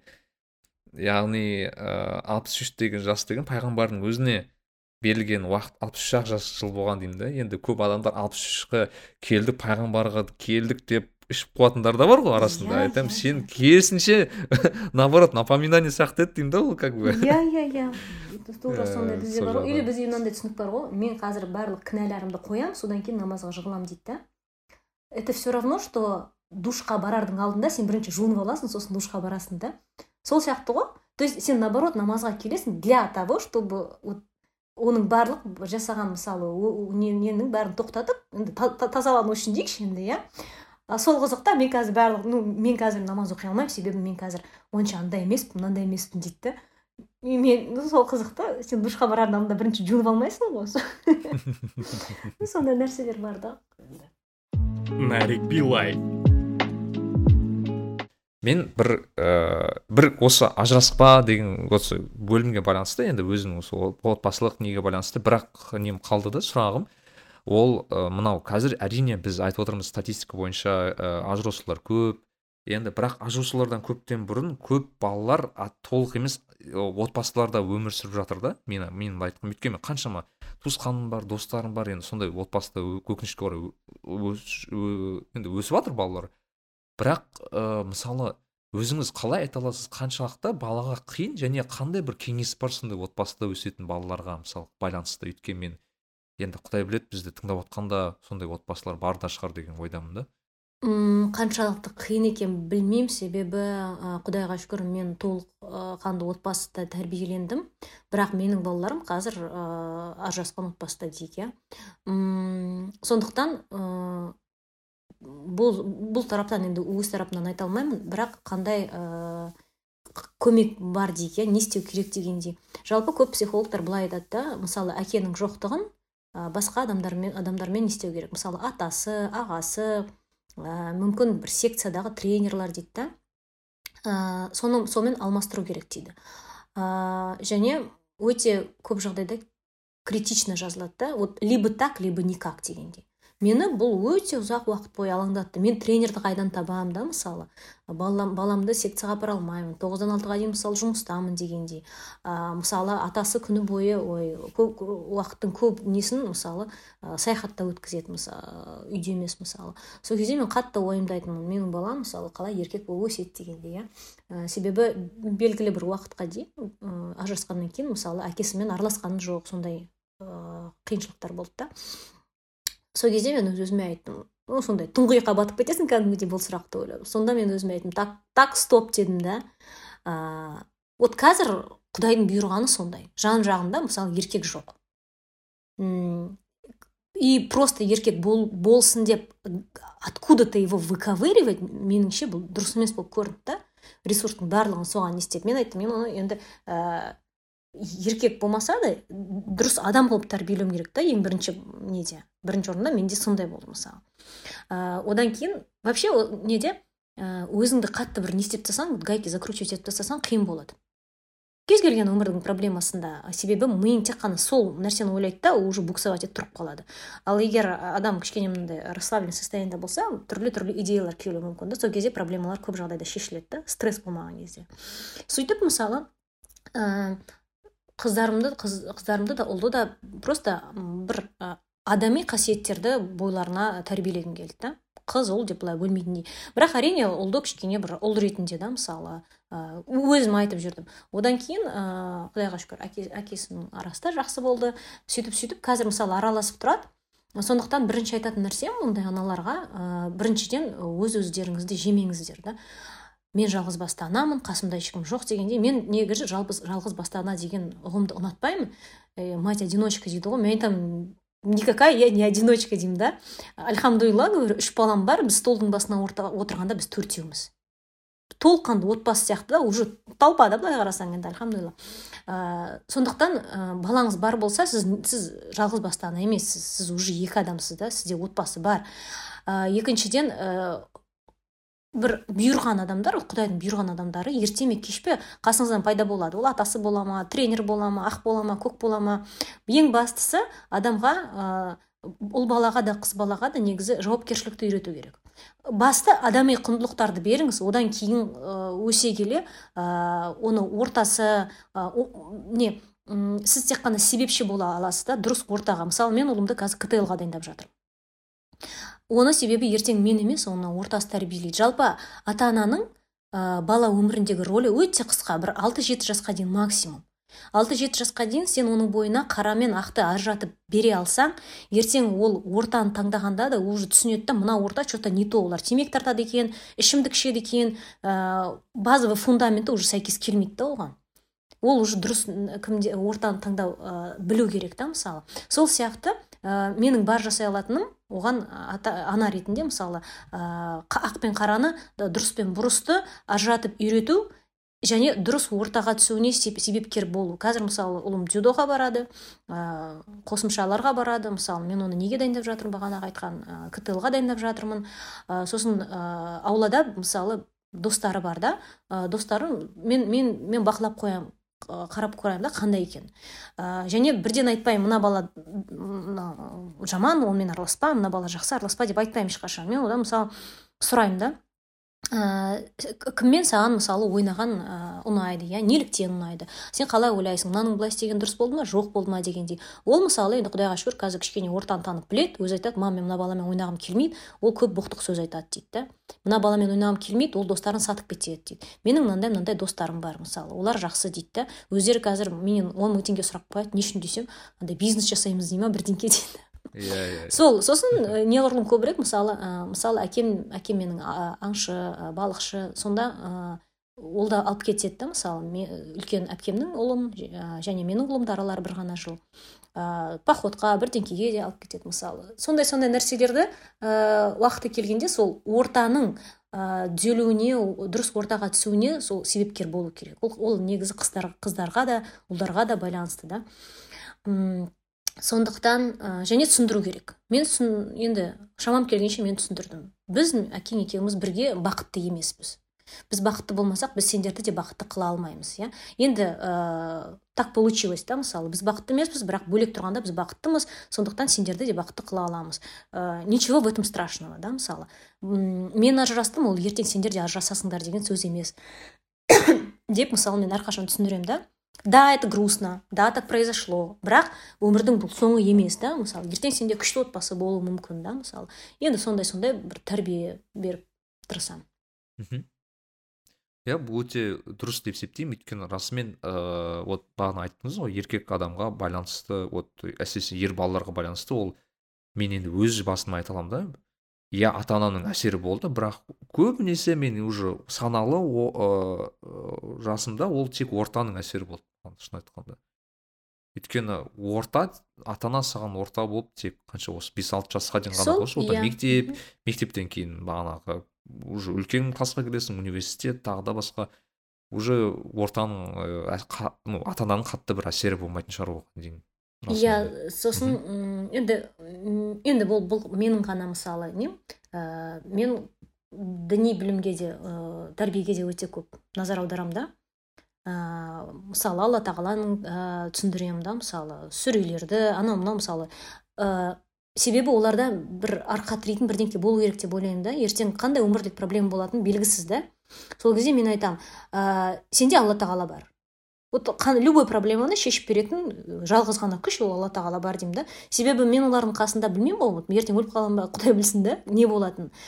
Менің ойымша оларда бір күшті бір не болу керек та андай. Арқа сүйер бір, бір какой то бір қалай айтсам болады? Сенім болу керек бір сенім иман болу керек. иә сондай нәрсе. Сосын, сосын оның барлығын андай прикладной нәрселермен түсіндіру керек та.